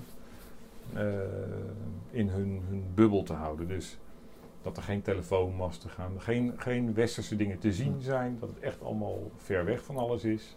Dus zo authentiek mogelijk eh, te doen. Ja, en dan heb je gewoon een, longlist. En dan ga je naar een shortlist. Uiteindelijk hou je de stam over die. eh, die, die verkenningen, dat is En wat- wat een zit er- kwestie van, van dingen uitsluiten. Oké, maar wat, wat zit er voor die mensen in dan? Die uit, bijvoorbeeld uit Mali. Wat, wat, wat kan je hun beloven? Wat, hoe, hoe... Eh, meestal staat er een, eh, een aantal. een- we hebben een, stuk geld en een stuk iets praktisch. Eh, dus meestal waren het koeien. Dan betaalden we in koeien. En dan zorgde ik dat er van een, dat er gewoon zes koeien bij kwamen. En dat is ook rijkdom Ja. zo. Dat betekent wel heel wat. En meestal voor de, de chief is het dan wat geld. En sommige mensen kregen. Het, het verschilde een beetje per stam hoe je het heet. En we deden vaak ook wel de, iets eh, voor de gemeenschap. Dus een waterpomp repareren of dat soort Nou ja. dingen. We namen altijd een arts mee. Dus die, eh, een tropenarts. Dus een medische check voor, voor de meeste mensen. En als er een, een behandeling was, dan zorgden we ook wel dat dat eh, kon. En als zij dan zeg maar richting Nederland gingen, Ja, dan, was Dat het, moet- dan, moeten ze een paspoort krijgen. Ja. Dus dan, dat moet je ook allemaal regelen? Ja. Maar dat moet toch een, een, een, een cultuurshock zijn voor die lui, niet? Zeker. Ja, en de grap is dat eh, de, al, al hun eerste ervaringen, of de meeste eerste ervaringen, die maakte ik altijd mee. Want ik vloog met hun dan eh, vanuit hun gebiedje naar de hoofdstad of iets, of met een, met een auto. Dus de keren dat ze op een eh, roltrap stappen, Nou, daar was jij bij. nou, daar was nog geen camera dan, omdat het op een vliegveld is, dan mag je niet filmen meestal. Dus heel veel van die ding, eerste dingen die, die je ziet op tv, die had ik eigenlijk in het echt al, al een keertje eerder gehad. En eh, ja, en eh, je moet heel erg voor hun ehm, denken. Als, je moet, het klinkt stom, maar je moet ze een beetje benaderen of, of behandelen. ehm, niet als een klein kind behandelen, maar wel eh, vooruitdenken zoals je met een klein kind doet. Ja. Dus dat zij niet links, rechts kijken als ze oversteken. Dus Ja. weet je, je moet voor hun denken om de veiligheid eh, te doen. Dus het is heel intensief, maar heel leuk om te doen. Hm. En ja, ik, ik werk alleen maar in het buitenland. Dus ik kom in Nederland met die mensen en dan lever ik ze af. Eh, Ik doe niet een Nederlandse productie. In Nederland vind ik niet leuk om te werken. Dus, eh, Maar, maar ben je dat niet verplicht aan hun dan? Aan die, aan die nou ja, mensen? dat is wel een beetje. Dat had ik toen nog niet. Nee, maar dat is gewoon mijn expertise ligt niet in, in Nederland. Dat ligt in het Nee, buitenland. maar jij hebt die band ja, opgebouwd. maar dus ik ben wel, eh, wel een paar keer gewoon eh, gevraagd van, joh, ze, ze, ze, ze vragen om je. Want. Nou, vertrouw dan ja, dat ik geef ze aan een beeld. Ja. Ja. maar dat is een inschatting die, die had dat productiebedrijf ook kunnen maken. Ja, maar dat is allemaal Ja. geld gedreven natuurlijk, weer. Ja, nou, Dan. het is niet, niet veel geld, maar ja, in Nederland werken, dat... dat Nee, maar als zij, als, zij kunnen. zijn het product, toch? Ja, ik had daar eigenlijk extra bij moeten zijn en dan Ja. weer wegbezuinigd. Ja. Ja, dan word je wegbezuinigd omdat het... Of ik had de, de productierol in Nederland moeten doen.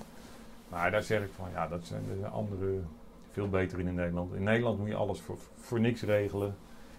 En nou, Ja, oké. Nee, ik snap de overweging wel. Maar het lijkt me voor die, voor die, voor die mensen lijkt me dat zo'n eh, niet veilig iets. Nee, dan gaat onze beste vriend die ons hier... Nou ja, dat kan al heel snel Ja. worden tot... Of verwoorden tot... eh, de- Nee, waar blijft dus die verrader nou? We kwamen erop uit dat ik hem wel één keer per dag moest eh, Ja. laten zien. Dan was ik ondertussen op kantoor met een andere productie bezig. Maar dan, Ja, dus, maar goed, dat gaandeweg. Zijn daar, zijn daar nog vaste vriendschappen of eh, contacten uit, eh, uit voortgekomen? Wel met lokale, met de productie, eh, de fixers. Ja, maar niet maar met, de stamcel. Nee, nee. Maar? Ik ben wel bij stammen weer terug geweest. eh. Hm. Maar dan weer met een programma. Dus, dus ik- ja, ik ben, dan ben je van de tv. Dus, Ja. Maar nee, niet dat ik daar... eh, Nee, maar die mensen die... Kijk, dus tijd... Kijk, nu al die stammen die, die zijn er niet meer. De- eh, China heeft heel Afrika met asfalt volgelegd. Dus al die stammen die zijn hun, hun graasgronden kwijt. Ze zijn allemaal uitge, uitgedreven en de, de, de echte stammen bestaan niet meer. Hm. Overal staan telefoonmasten. Dus eh, alle jonge mensen de- van die stammen, die zijn naar schooltjes gegaan. Die spreken allemaal twee woorden Engels. Ze zijn allemaal naar de grote stad, dus dat dooft uit. Ja. Heel zonde. Dus we hebben echt een uniek, hoe omstreden het programma ook was, eh, echt wel uniek iets gezien. Was dat een Nederlands format? Of uh, Een Belgisch format. oh, Belgisch? Ja. Oké. Toast Cannibaal heet het daar. Ah, oké. Ja. Toast kannibaal. Oké. Ja. Maar dat is prachtig mooi dan, toch? Niet. Ja. Ja, ik heb echt mooie dingen meegemaakt. Ja. die, eh, Heb je wel contact met die Nederlandse gezinnen die daar dan zijn gekomen? Ook niet. Nee, ik, eh, sowieso. Of met- zo zit die wereld niet in elkaar. Nee, kandidaten die hou ik altijd op afstand, sowieso. Ik heb geloof ik, ja, sommige... Meestal als ze wat... kijk, onbekende Nederlanders, daar, daar hou je echt wel een beetje afstand. eh. Want? Wat- Nou, ik ben, ik ben aan het weg. En dat, eh, ja, daar, hoort- daar hoort geen vriendschap eh, uit te komen. Nooit een leuke kerel tegen of een leuk gezin en eh, weet ik veel. Dus het wordt vaak wel... Ja, maar ik, ik vind dat... ik ga dat niet allemaal om, om, ehm, onderhouden. Nee, maar je hebt nou toch. WhatsApp of weet ik veel. Hey, nou even de familie even, Ja, weet ik veel. Nee, daar, zit, daar ja. heb ik toch allemaal geen zin in. Dat, Ja, daar- ik heb geen idee, man. Ik heb geen idee. nee. Ah, oké. Maar goed, dat, dat, dat format droogt dan op. Ja, en zo zijn er nog eh, nieuwe formats. En ik doe altijd de, de programma's waar op de locaties waar het draait geen infrastructuur is. Oké. Dat, dat, trekt jou. Nou, dat is Ja. ons wel duidelijk. Dat je dus niet... Je we, we weet omgeven door, door enige, enige civilisatie. Dat, dat is jouw ding. En, ehm, ja, en dan voor allerlei problemen eh, oplossingen creëren en zien. En een maas in de wet vinden om toch dingen voor elkaar te krijgen. Ehm, ik heb ook het programma Wereldreis op wielen gedaan met die, eh, tiny houses achter die pick-up trucks die van Canada zijn we naar eh, Zuid-Amerika zouden rijden. Maar de status van een tiny house is heel raar in heel veel landen. Dat wordt gezien als een huis. Hm. Dus dan probeer een huis te importeren in Mexico. Ja, dat kan helemaal niet. Ja. Maar daar bouwen, dat werkt ook niet dan. Nee, dit, wa- dit was, het- we waren in Canada gestart en we moesten dan helemaal naar eh, Zuid-Amerika Oh, rijden. zo. Ja, ja, oké. Die staan voor de grens en ja, die, die, die hebben een status die gewoon onbekend is en dus is het een huis, want Ja. je kan er permanent in wonen. Oké. En dan komt het land niet in, want dan ben je illegaal. Heb jij zelf ook ideeën dat- dat- dat geponeerd, eh, weet ik wat, nou, in dit hele genre past, formats? past dit of past dat? Mm, Nee, het is altijd wel eh, ja, wat elementen dat, eh, die uit mijn koper komen, maar ik heb geen formats eh, doorontwikkeld. Ik heb wel formats. eh, Maar dus je- er is een format en daarin ontwikkel jij extra dingen, neem je contact op, joh, dit lukt niet. ja, de- dus dit is het alternatief. Wat vinden jullie Ja, daarvan? maar ook, ook als het met, met spelelementen is of, of ja, om, om dingen, resultaat van die kandidaat te krijgen. Om dingen zo te, te, te aan te passen dat het een ander effect geeft. Nou ja. Dus je werkt aan een team. En dan, Ja. eh, Ja, wat mij, ik heb natuurlijk helemaal geen verstand van film, maar wat mij altijd zo tegenvalt in bijvoorbeeld films, hè, en nou begrijp ik dat een film dus kennelijk niet zoals een boek is, achter elkaar wordt opgenomen, maar hè, dus dan wordt er, weet ik veel, scène 13 en op diezelfde plek wordt scène 68 wordt, eh, opgenomen. En dan zitten daar bijvoorbeeld bij zo'n praatprogramma zitten dan een aantal van die, van die acteurs. En dan, dan heb ik die film gezien en denk ik, hoe kun je hier toch godverdomme ooit hebben aan mee hebben gewerkt? Wat een kut verhaal, weet je wel? Snap je? Heb je dat ook wel eens meegemaakt? Dat, dat, dat, dat, je, dat het in plan allemaal goed zat, dat je alles geregeld had. En dat je het eindresultaat denkt van, nou, ze hebben er niks van gebakken. Nou, komt kijk, dat de dingen, de- kijk, de, de, de dingen die, eh, die voor tv gemaakt het zijn allemaal geen, geen producten waar ik zelf het liefst naar zou kijken. Niet. Nee, net zoals dat een slager ook niet als een zijn vlees niet lekker vindt. eh, weet je wel? Hij maakt ja, wat- dat wat is, dat is, wil. dat is jouw, jouw werk niet. Maar je, dat, het, het, dat werk waar jij in zit, dat heeft toch als eindproduct het ding wat op tv is? Ja, maar dat is niet, ik maak het niet voor mezelf. Nee, snap ik. Dat is je werk. Maar dan heb je wel eens meegemaakt dat je denkt van... Ja jongens, dan heb ik het zo mooi voorbereid. Ik heb het, ik heb het zo op Ja, maat oh. gesneden. Ja. En dan ga je, maken jullie er zo'n potje van. Nou, maar dat, dat zie je, dat is, meestal is die keuze al vooraf in Nederland gemaakt. Dan hebben ze dingen laten liggen die, die, die ik anders zie. En dan het resultaat is dat het, eh, de kijkers weglopen. En denk ik, ja, Ja. jongens. eh, Maar dat maak je niet uit. ehm, Nou ja, maakt nou je niet ja, maakt je natuurlijk wel, uit. wel maar. Nou, het is wel frustrerend. in, dat het, in het begin denk je van, van oh god, ik, ik had toch wel... Je, hebt het ook nooit, je kan het ook nooit eh, bewijzen dat als het op mijn manier was gegaan, Nee, dat het dan een succes was geworden. En dat is ook altijd het, het argument van, ja, eh, daar hebben we niks aan. Want misschien had het ook niet gewerkt. Ja.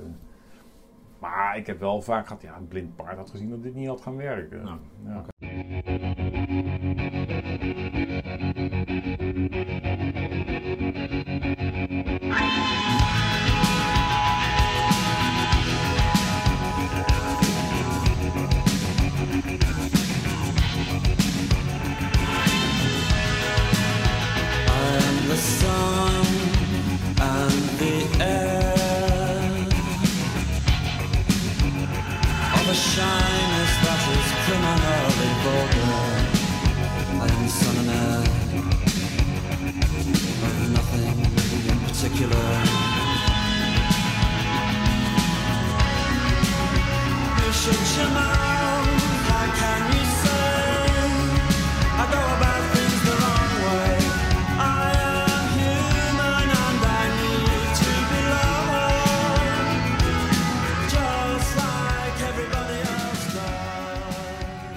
Wat vond jij bijvoorbeeld, even over die commando's terug te komen. Wat vind je dan bijvoorbeeld van zo'n Kamp van Koningsbrug? Heb je dat gekeken? Ik heb eh, de eerste drie afleveringen gezien en de laatste twee, geloof ik. Tussenstuk niet. En ja, die eerste, de, fantastisch, eh, die eerste afleveringen. Ik ken eh, de, de regisseuse ervan, eh, daar heb ik ook wel mee gewerkt. Ehm, ja, ik, ik- vooral de herkenning natuurlijk vanuit de Nee, opleiding. daarom is, ik het. Ja, goed gedaan. Ehm, ik vond het een, een, een eerlijk verhaal. eh, of eerlijk in beeld gebracht, gebracht naar die eh, deelnemers. Eh, niet 100% op effect eh, gedaan allemaal, dat vond ik prettig. Maar heel erg op de, de ja, toch wat het met je doet. ja, heel goed uithangbord denk ik voor het KST. Ja. Het, de laatste afleveringen, maar ja, dat is meer hoe de, de het KST ontwikkeld is. Ja, dan, dan krijg je met zo'n safe house, of in ieder geval met die, ja, met zo'n huis waar je binnen moet, Ja. allemaal dingen. Dus die, die rollenspellen, ja, daar heb ik niet zoveel mee. Nee. Nee, maar puur Eh. zeg maar tv-technisch of jouw vak zeg maar. Kon je daar zien dat Ja, daar liefde in zat? Of dat, Nou ja, dat dat, dat het een mooi product was? Eh, er is niet zo op effecten eh, gestuurd. Het- ik vond het dus een heel goed, wat ik zeg, een heel goed uithangbord voor, voor het KST. Ja, oké. En, ehm, maar ja, vanuit de KST-tijd denk ik, van, ja, dat is wel een, en ander veranderd. Ja. Dat Ja, het was, wist ik van tevoren ook niet hoor. Trouw- trouw- Ja, Trouwens daarna eigenlijk ook niet. Of tijdens het programma ook niet. Maar die vier, vier eerste afleveringen, dat eh belichaamde de ECO. Ja. En de rest was dan die voortgezette, Voortgezette, ja. commandoopleiding. En dan merk ik wel van, oh, dat is wel een wereld die staat wat verder van mij af dan. eh, dus ook weer een bevestiging. Ja, het- Ja, oké. maar zeker omdat je er zelf in gezeten hebt. Weet je wel, dan, dan, dan, dan, dan, ja, dan Ja. kan jij zien of dat dan één bij jou aansluit als zijnde ja, nee, maar die, privépersoon. Precies, En- die, en die daarnaast eerste dan- echt, echt mooi, mooi gedaan. Ja. En ehm, zo, zo'n, bijvoorbeeld die, eh, die scène met dat, eh, dat roeien, Ja. s s'nachts, dat gaat maar door. Wist jij dat nog te herinneren? Eh, nou ja, we hadden die boot überhaupt niet. Nee, Dus, eh, maar dat hebben gegeven. ook- nou, we hebben niet zo lang eh gepeddeld, dat kan ik me niet herinneren. Wij een nacht hebben we wel dat je gewoon s'avonds lang. Ja, dat, dat element is voor mij wel een beetje nieuw, dat hij zo heel lang duurt. Ja, dat ik wist het ook niet. Maar ik Ja. wist zo'n dijkenmars wist ik ook niet meer. Ja, die dijken was, die wist ik wel, maar... nee, maar de, ik, ik weet hoe lastig het is om met zo'n cameraploeg dat allemaal in beeld te brengen. Ja.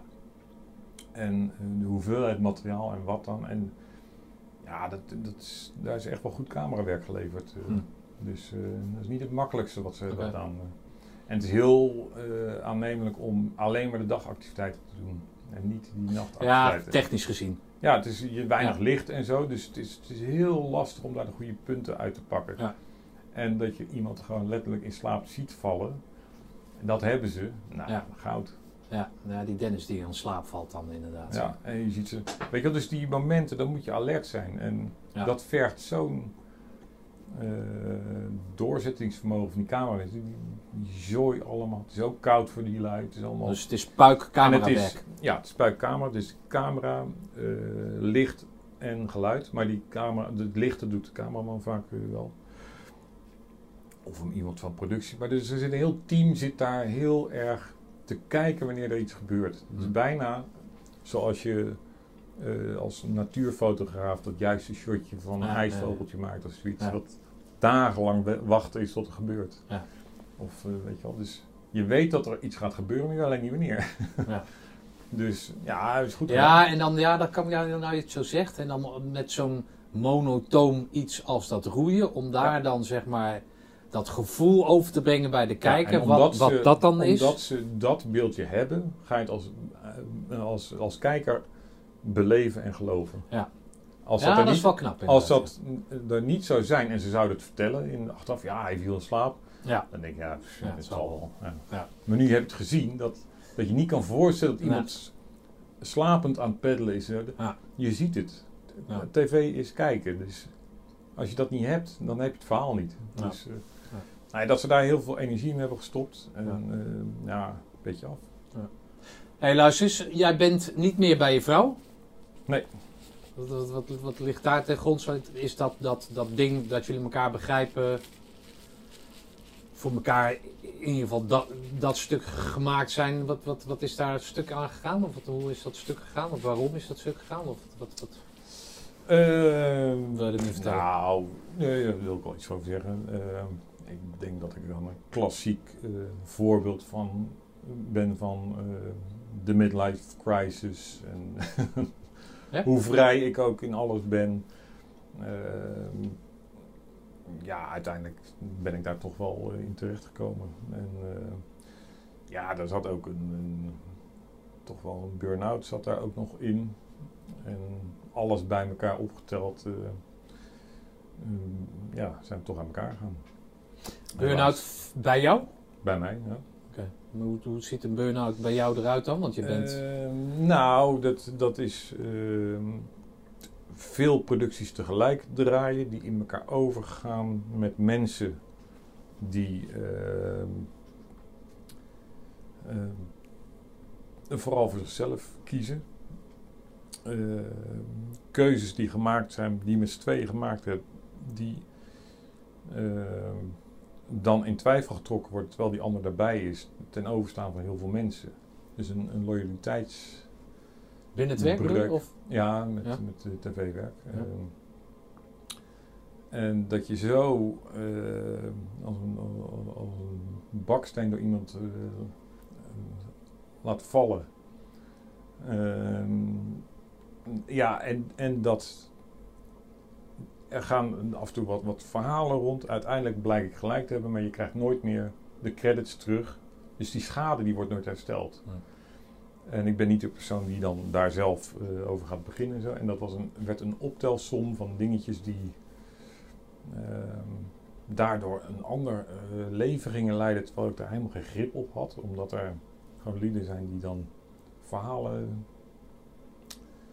Eh, oh, die je dus laten vallen. eh, om, om er zelf beter van te worden. Een betere positie te krijgen. Ja, nou, de- daar kon ik heel slecht mee omgaan. En ehm, Dat heeft je uitgeput of zo. ja, dan ga je. eh, Ja, dat, uiteindelijk ben ik in mijn eentje al die dingen die, die, eh, die gaan aan zijn moeten passen, gaan doen en me zo over de kop gewerkt. Om het toch voor elkaar te krijgen, die, die opdrachten. Want het resultaat telt. En dat lukt dan, maar de kostprijs is dat je gewoon helemaal gewoon leeg gewerkt bent. Ja, en, en, en daarbij opgeteld gewoon wat, wat, eh, wat vraagtekens van eh, hoe nu en wat en eh, Bij jezelf. bij mezelf. Ja, oké. Dus niet vanuit huis van, goh, hoe zit En nu? Of, of wat? wat Nee, ja, goed. dan gebeuren er wat dingetjes en dan. Nou, dan nou, oké. Maar bij jezelf zat dat dus. ja, Hoofdzakelijk. Het zat voor, voor- nee, dat, dat, dat- volledig bij mij. ja. En hoe heb je dat, hoe heb je dat, hoe ben je dat aangegaan dan, die strijd? Om dat op te lossen? Of, of, of Nou ja, goed. Dat, sommige dingen worden voor je opgelost. Oké. Er waren ook wel wat, wat andere vrouwen bij betrokken en zo. Dus dat, Oké. dat ging niet goed. Dus ja, eh, ik ben het huis uitgegaan. En eh, alles is gebleven zoals het was daar. Hm. En ik ben op een boot gaan wonen die ik had. En eh, ja, die, dat is een klein bootje, 9 meter zeilbootje. Want inmiddels was ik behoorlijk aan het zeilen geslagen. En ja, dat is alweer vijf jaar geleden. Oké. En eh, nu sinds een paar jaar heb ik een groter schip gekocht. Een beetje een wrak waar we nu zitten. Je ziet het, het is van binnen helemaal eh, leeg gehaald en ben ik opnieuw aan het opbouwen. En dit moet een wat, wat beter verblijf worden. Dus, eh, Oké. ja. dus ik heb altijd in een soort, soort put nog geleefd. eh, alles binnen handbereik. eh. ja. Putdeksel. ja. Ja. ja, die andere zit ook radio en alles, weet je wel. Dus, eh, Maar uit die burn-out heb je, heb je eruit gevochten, gevrongen? Of, Ja, of nou, zit je er nog in? dat, Of, die, die burn-out dat was in, in de tv-wereld gedaan. Nou, wat ik heb gedaan is...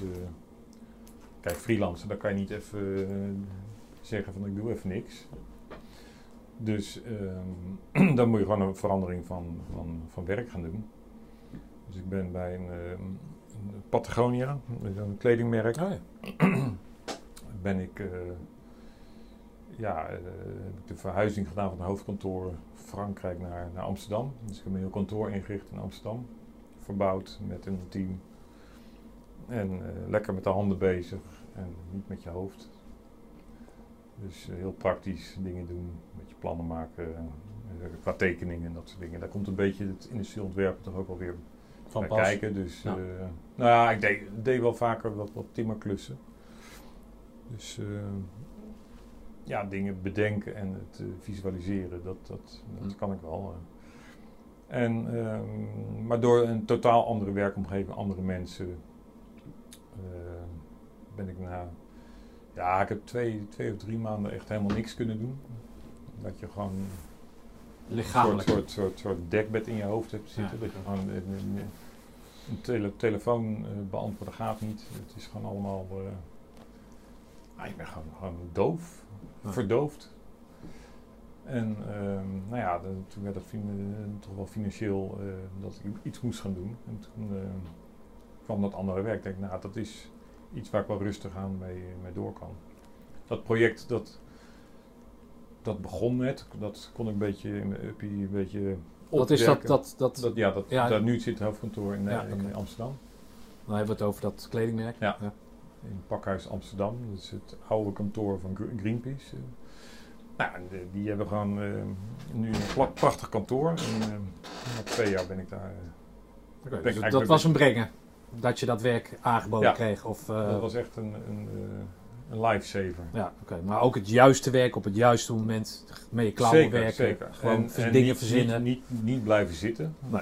Eh, dus je hebt jezelf zeg maar eruit getrokken? Of ben je Ja, naar ik, ik- praatgroepen of weet ik veel wat Via de huisarts kreeg ik een andere...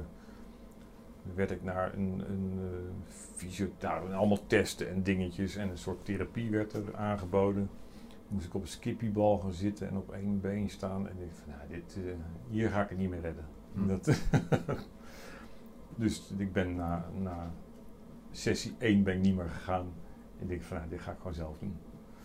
En toen, eh, nou, via dat andere werk met andere mensen en alle andere, hè, dan kan je het helemaal weer een beetje met een blanco lei beginnen ehm, in je hoofd.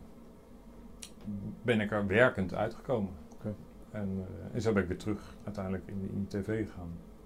En dat gaat goed. Dus, En waar sta je nu dan? We zitten midden in die, eh, in die crisis. nou ja, het is nu ook alweer. eh kijk, dus het is weer zo'n zo'n iets wat je niet kan. Kijk, ik verdeelde mijn kansen altijd van dat ehm, tv. Hè, dit is- die sluiten nooit helemaal aan, eh, die, die tv-klussen. Dus had ik weer een maandje niks en deed ik een beetje evenementen. Want je kent al die gasten nog. Dus ik had mijn kansen altijd al een beetje verdeeld om een soort steady inkomen te krijgen. Alleen nu deze ehm, COVID-crisis, ehm, zowel evenementen als die tv, de buitenland, wat ik alleen maar doe, lagen allebei op een gat. Dus ja, ik heb wel een uitdaging gehad afgelopen eh, jaar. Hm.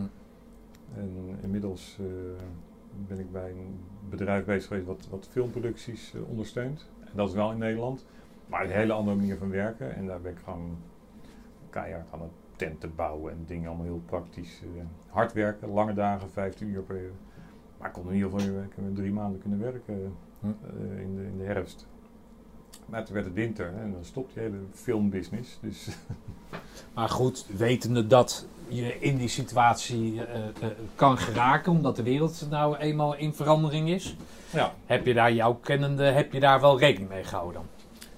Nou, kijk, dat het zo lang duurt. eh, Nee, dat echt. wist niemand natuurlijk. Nee. Of weet niemand natuurlijk. Nee, kijk, van de zomer was het allemaal nog te overzien. En ja, ik ben inmiddels eh, in, in november was de, de bodem van de reserves eh, wel daar. Hm. Dus het is nu gewoon afzien, financieel. En waar sta je nu? Nou, ik zit hier op een half affe boot in de winter te wachten tot ik weer aan de slag. Nou toevallig is er weer zo'n moment geweest dat als het allemaal weer stopt. Gisteren kreeg ik weer een telefoontje dat er weer een leuke opdracht in komt. Dus daar ben ik nu mee bezig. Dus, eh. Het is nog een voorstel, het is nog niet helemaal 100% verkocht. Maar als het goed is ga ik per 1 februari weer eh, Oh, lekker slag. Ja, Oké. dus... Ga je vertellen wat? Ja, eh, nee, het is een productie voor Videoland. Dus een online tv-programma eigenlijk. Oké. in de Ardennen. Nou toch ja, toch een beetje buiten. Ja, ja. En het komt een beetje terug bij mijn, mijn roots. Vertrouwen? Vertrouwen Ja, in, in eh, de toekomst. weet ik veel. Vertrouwen. Nou, kijk, ondertussen eh, doe ik wel ehm, mijn eigen leuke dingen natuurlijk ook nog. Ehm, via dat tv, van een van de tv-programma's, De Langste Dag, eh, voor BNN, ben ik in con- contact gekomen met, eh, met een, een club in Nederland die parachutespring eh rond de bol eh, aanbiedt. En dat was in 2013 hebben we die opnames gedaan. Ik stond in Normandië op een dropzone, was een historische dropzone. Ik zag die, kinderen uit een Dakota springen en ik fuck, ik met mijn KCT wing sta hier op de grond. eh, Waarom hang ik daar niet? Dus, eh, nou, inmiddels eh, wist ik natuurlijk van, van die club. En eh, ik ben het jaar daarna, dus 2014, zijn we met eh, ben ik die opleiding weer gaan doen. En ik heb tien maatjes van eh, de lichting zover gekregen om dat ook te doen. Ja. Want in eh, 2014 hadden wij 25 jaar Groene Beret in oktober. En toen hebben we met het peloton de vijfjaarlijkse reunie die we op het pelotonniveau deden, eh, gedaan tijdens eh, Market Garden 2014. Oké. En toen hebben we op Groesbeek gesprongen eh, met z'n tienen. En van daaruit zijn we toen naar de Waalbrug gelopen en daarna een barbecue. En, Oh, mooi, man. Ja, dus het was weer Ja. activiteiten met een beetje historie. Ja. Dus dan, voor mij klopt het dan weer. eh. Ben jij dan aan het filmen of niet? Nee, nee, nee. Oh, nou ja, dan weet ik het niet. Totaal niet, nee. Nee, en ja, goed, het, het vervelende was, dat was in die periode dat ik burn-out zat. Dus ik was eigenlijk, ja, het, is een wonder dat ik... eh, Nou, dat was wel een opkikkertje toch dan? Ja, in- in- inmiddels was ik eh, wel, wel over die, die, die, die, het diepste dal en daar was ik uit. Maar qua energie, want je bent niet helemaal hoog in je energie, was wel pittig voor mij eh, Ja. om dat weer eh, te doen. Maar goed, in, eh, in die laatste week liet jij je ook niet. Nee, dus Toch? het gaat, gaat allemaal wel. Maar, en niemand zal het echt hebben gemerkt. Alleen voor mezelf weet ik dat het me meer energie heeft gekost. En het stuk genieten is op dat moment ook minder in zo'n periode. Dus dat was wel... Achteraf ben ik er pas echt van gaan genieten. En Hmm. inmiddels, ik ben als enige door blijven springen. Ehm, want mijn doel was om uiteindelijk ook daar in Normandië daar eh, te springen. Op die plek Ja. eh, waar die, ik kind dat besluit heb genomen. Ehm, en dus later is dat echt gaan groeien. En, eh, en inmiddels zit ik in het bestuur van... Ja, Peter Cortel, die ik ook geïnterviewd heb, die, die ken jij dus. ja, ja, ja, die, Ja. die is vorig jaar weer door de opleiding heen gegaan. Hij, hij is een sportspringer überhaupt. Maar nu rond de bol. Is hij Ja. ook, en we hebben nu komend jaar ook weer tien KCT'ers die eh, tegen. Want hij heeft heel veel mensen geactiveerd. Ja. Dus dat is heel leuk. Ja, grappig is dat. En überhaupt het bestuur van eh PGH, Per Groep Holland, zijn allemaal groene beret. Ja. Dus een eh, commando marinier is voorzitter, een marinier commando penningme- eh, secretaris en ik ben penningmeester. Dus allemaal groene beret. dus, Hey Roland, ja. wat eh, ja, centraal staat altijd bij mij, eh, nou ja, sowieso het levensverhaal. Nou ken ik, heb ik heel veel mensen geïnterviewd, maar jij bent eigenlijk de eerste, naast mezelf dan, waar ik dan zeg maar aan kan vragen wat, hè, om, vanwege de dieptepunten, om het zo maar te zeggen, die je hebt aangegeven. Die heb ik zelf in mijn eigen podcast ook aangegeven. Wat die eh, groene beret jou nou, nou gebracht heeft, dat is wel duidelijk. Maar wat heb jij aan de groene beret gehad? Of wat heb jij aan die groene beret? Eh, nou ja, het, eh, het is eh, heel regelmatig eh, dat ik daar nog wel aan denk. eh. nou ja, kijk, alles wat ik, wat ik doe, heeft wel een relatie met, uiteindelijk met, met die KST-tijd.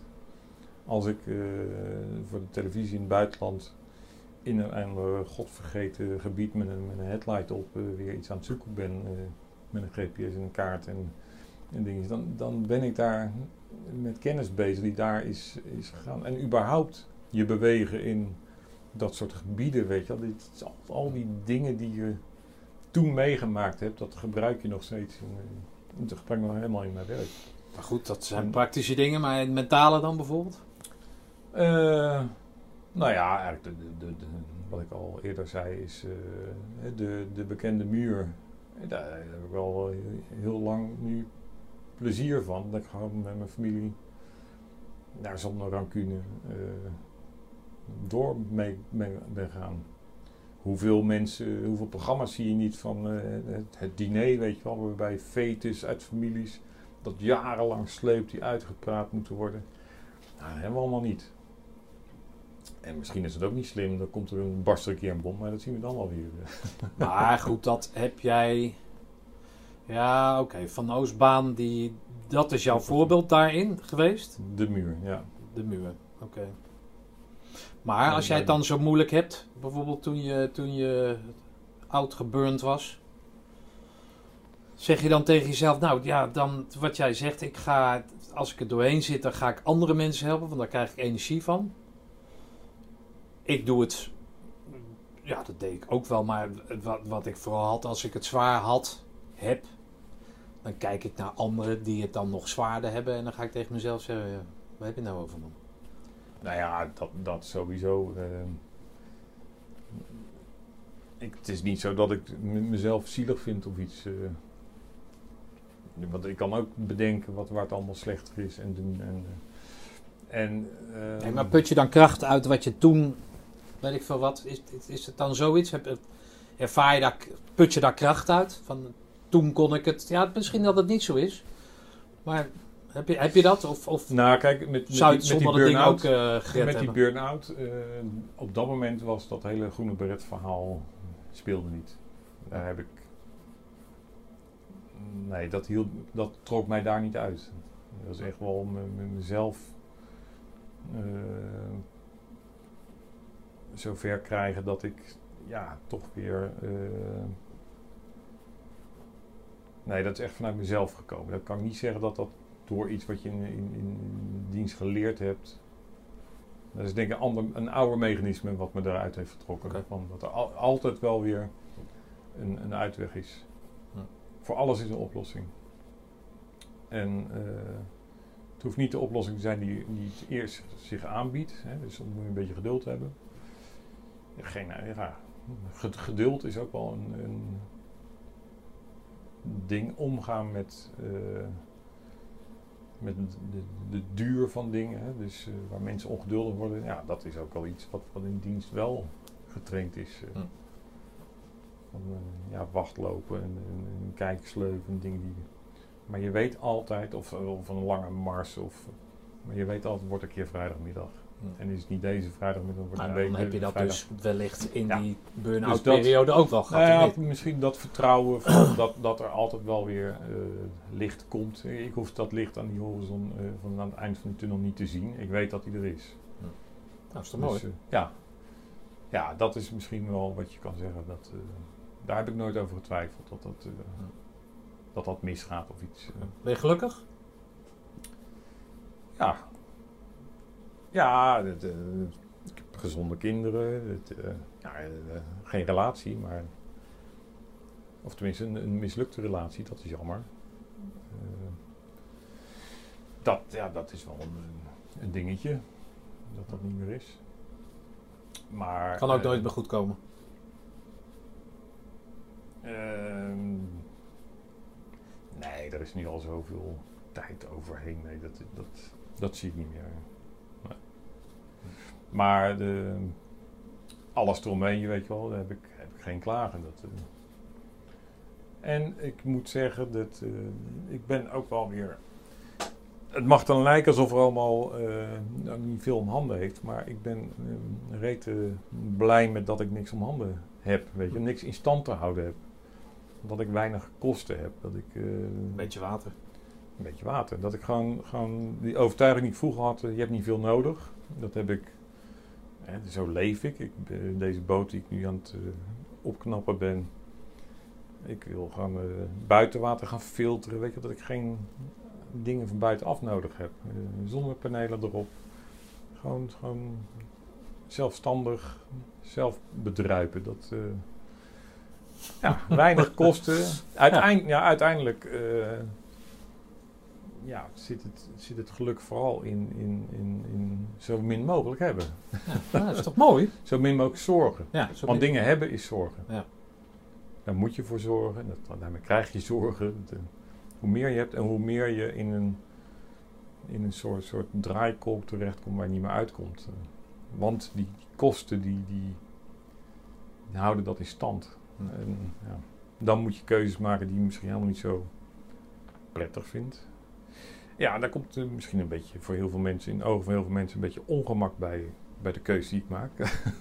Ja, het is jouw vind- leven, toch? maar ik vind dat wel lekker eigenlijk. Ja. Ja, als ik een beetje kan parachute springen. In de hand hè, van een beetje commando is een cel gevuld. Een beetje, een beetje zeilen. toe. Ja. nou, mooi goed. verhaal, man. Nee, maar kijk, ja, ik heb ook wel. Ik zit al lang met een soort, soort ultiem avontuur in mijn hoofd. Maar ja, het Eh, best. die, eh, die ik in de koelkast heb gezet toen de tweede werd geboren. Ik denk van ja, ik ga niet lang weg als ik nog jong kinderen heb. Dus als die 18 is, dan, dat is binnenkort, over twee jaar. Dan, dan kan dat plan weer geactiveerd worden. En dat is, eh, ik wil de, de Evenaar rondzeilen. Oké. Met een zeilboot eh, de waterwegen rond Evenaar varen. Dus de Amazone helemaal opvaren. Een katamaran. Daarom even eruit de Anders over. Stille Oceaan in. Meanderen door Indonesië. Indische Oceaan. Kenia. Op het, dat is het beeld wat ik heb. Dat hij achter een trein staat. Door de savanne. Girafjes. Olifanten. door de Serengeti achter. Een stukje Lake Victoria varen. En dan Congo-rivier in. Daar, die is een groot deel bevaarbaar. Die varen uiteindelijk. Er is een watervalvlak voor de Atlantische Oceaan. We moeten er even uit. Atlantische Oceaan in. En de cirkel rondmaken. Maar ja, de- over hoeveel, tijd- hoeveel tijd is dat dan? Dat duurt eh, als het op zijn snelst anderhalf jaar, maar waarschijnlijk twee jaar. Oké. Ja, ik ben haast. Ja, maar dat gaat niet met deze boot dus. Want Nee, je hebt het over katamaran. ja. oké. Dus, eh, want hij, eh, ja, dat, de, de Amazone op, dat gaat met zonnepanelen. En, en, dus de technieken die, die worden ook steeds beter. Kijk, het oude plan was met een benzinemotor of een dieselmotor. Maar nu kan ik het doen helemaal zonder eh, fossiele brandstoffen. Oké. En dan kan je weer een beetje ondersteuning krijgen hier en daar om dat te etaleren. En dan zie ik ook alweer met tv wat gebeuren. En, ja. Nou, Roland. Ik ben blij dat eh, Patrick eh, mij eh, richting Zaandam, toen wist ik helemaal niet dat Zaandam zou worden, maar richting Zaandam heeft, heeft gestuurd. Ik vind het wel, ik vind het een mooi verhaal, dat zei ik net al. Maar ik vind het ook wel weer een, een, een ik vind het krachtig dat, zeg maar, van het, ja, dat verhaal heb ik niet verteld, maar dat heb je mij dan van tevoren verteld. Hè? Waar ik mee begon, van durf jij het aan? Dat jij echt eh, volledig altijd, zeg maar, het aandurft. Zeker, En dat eh, vind ik prachtig. Dankjewel. alsjeblieft. En we houden contact. Dank voor je komen. Nou, dat was hem dan weer. Hoe het najagen van je dromen eruit ziet, is wat ik in deze podcast van de toenmalige corporaal heb geleerd. Prachtig, maar onbeheersbaar. Roland, respect voor hoe je het doet en waarom je het op deze manier doet. Noem koud, noem kwam.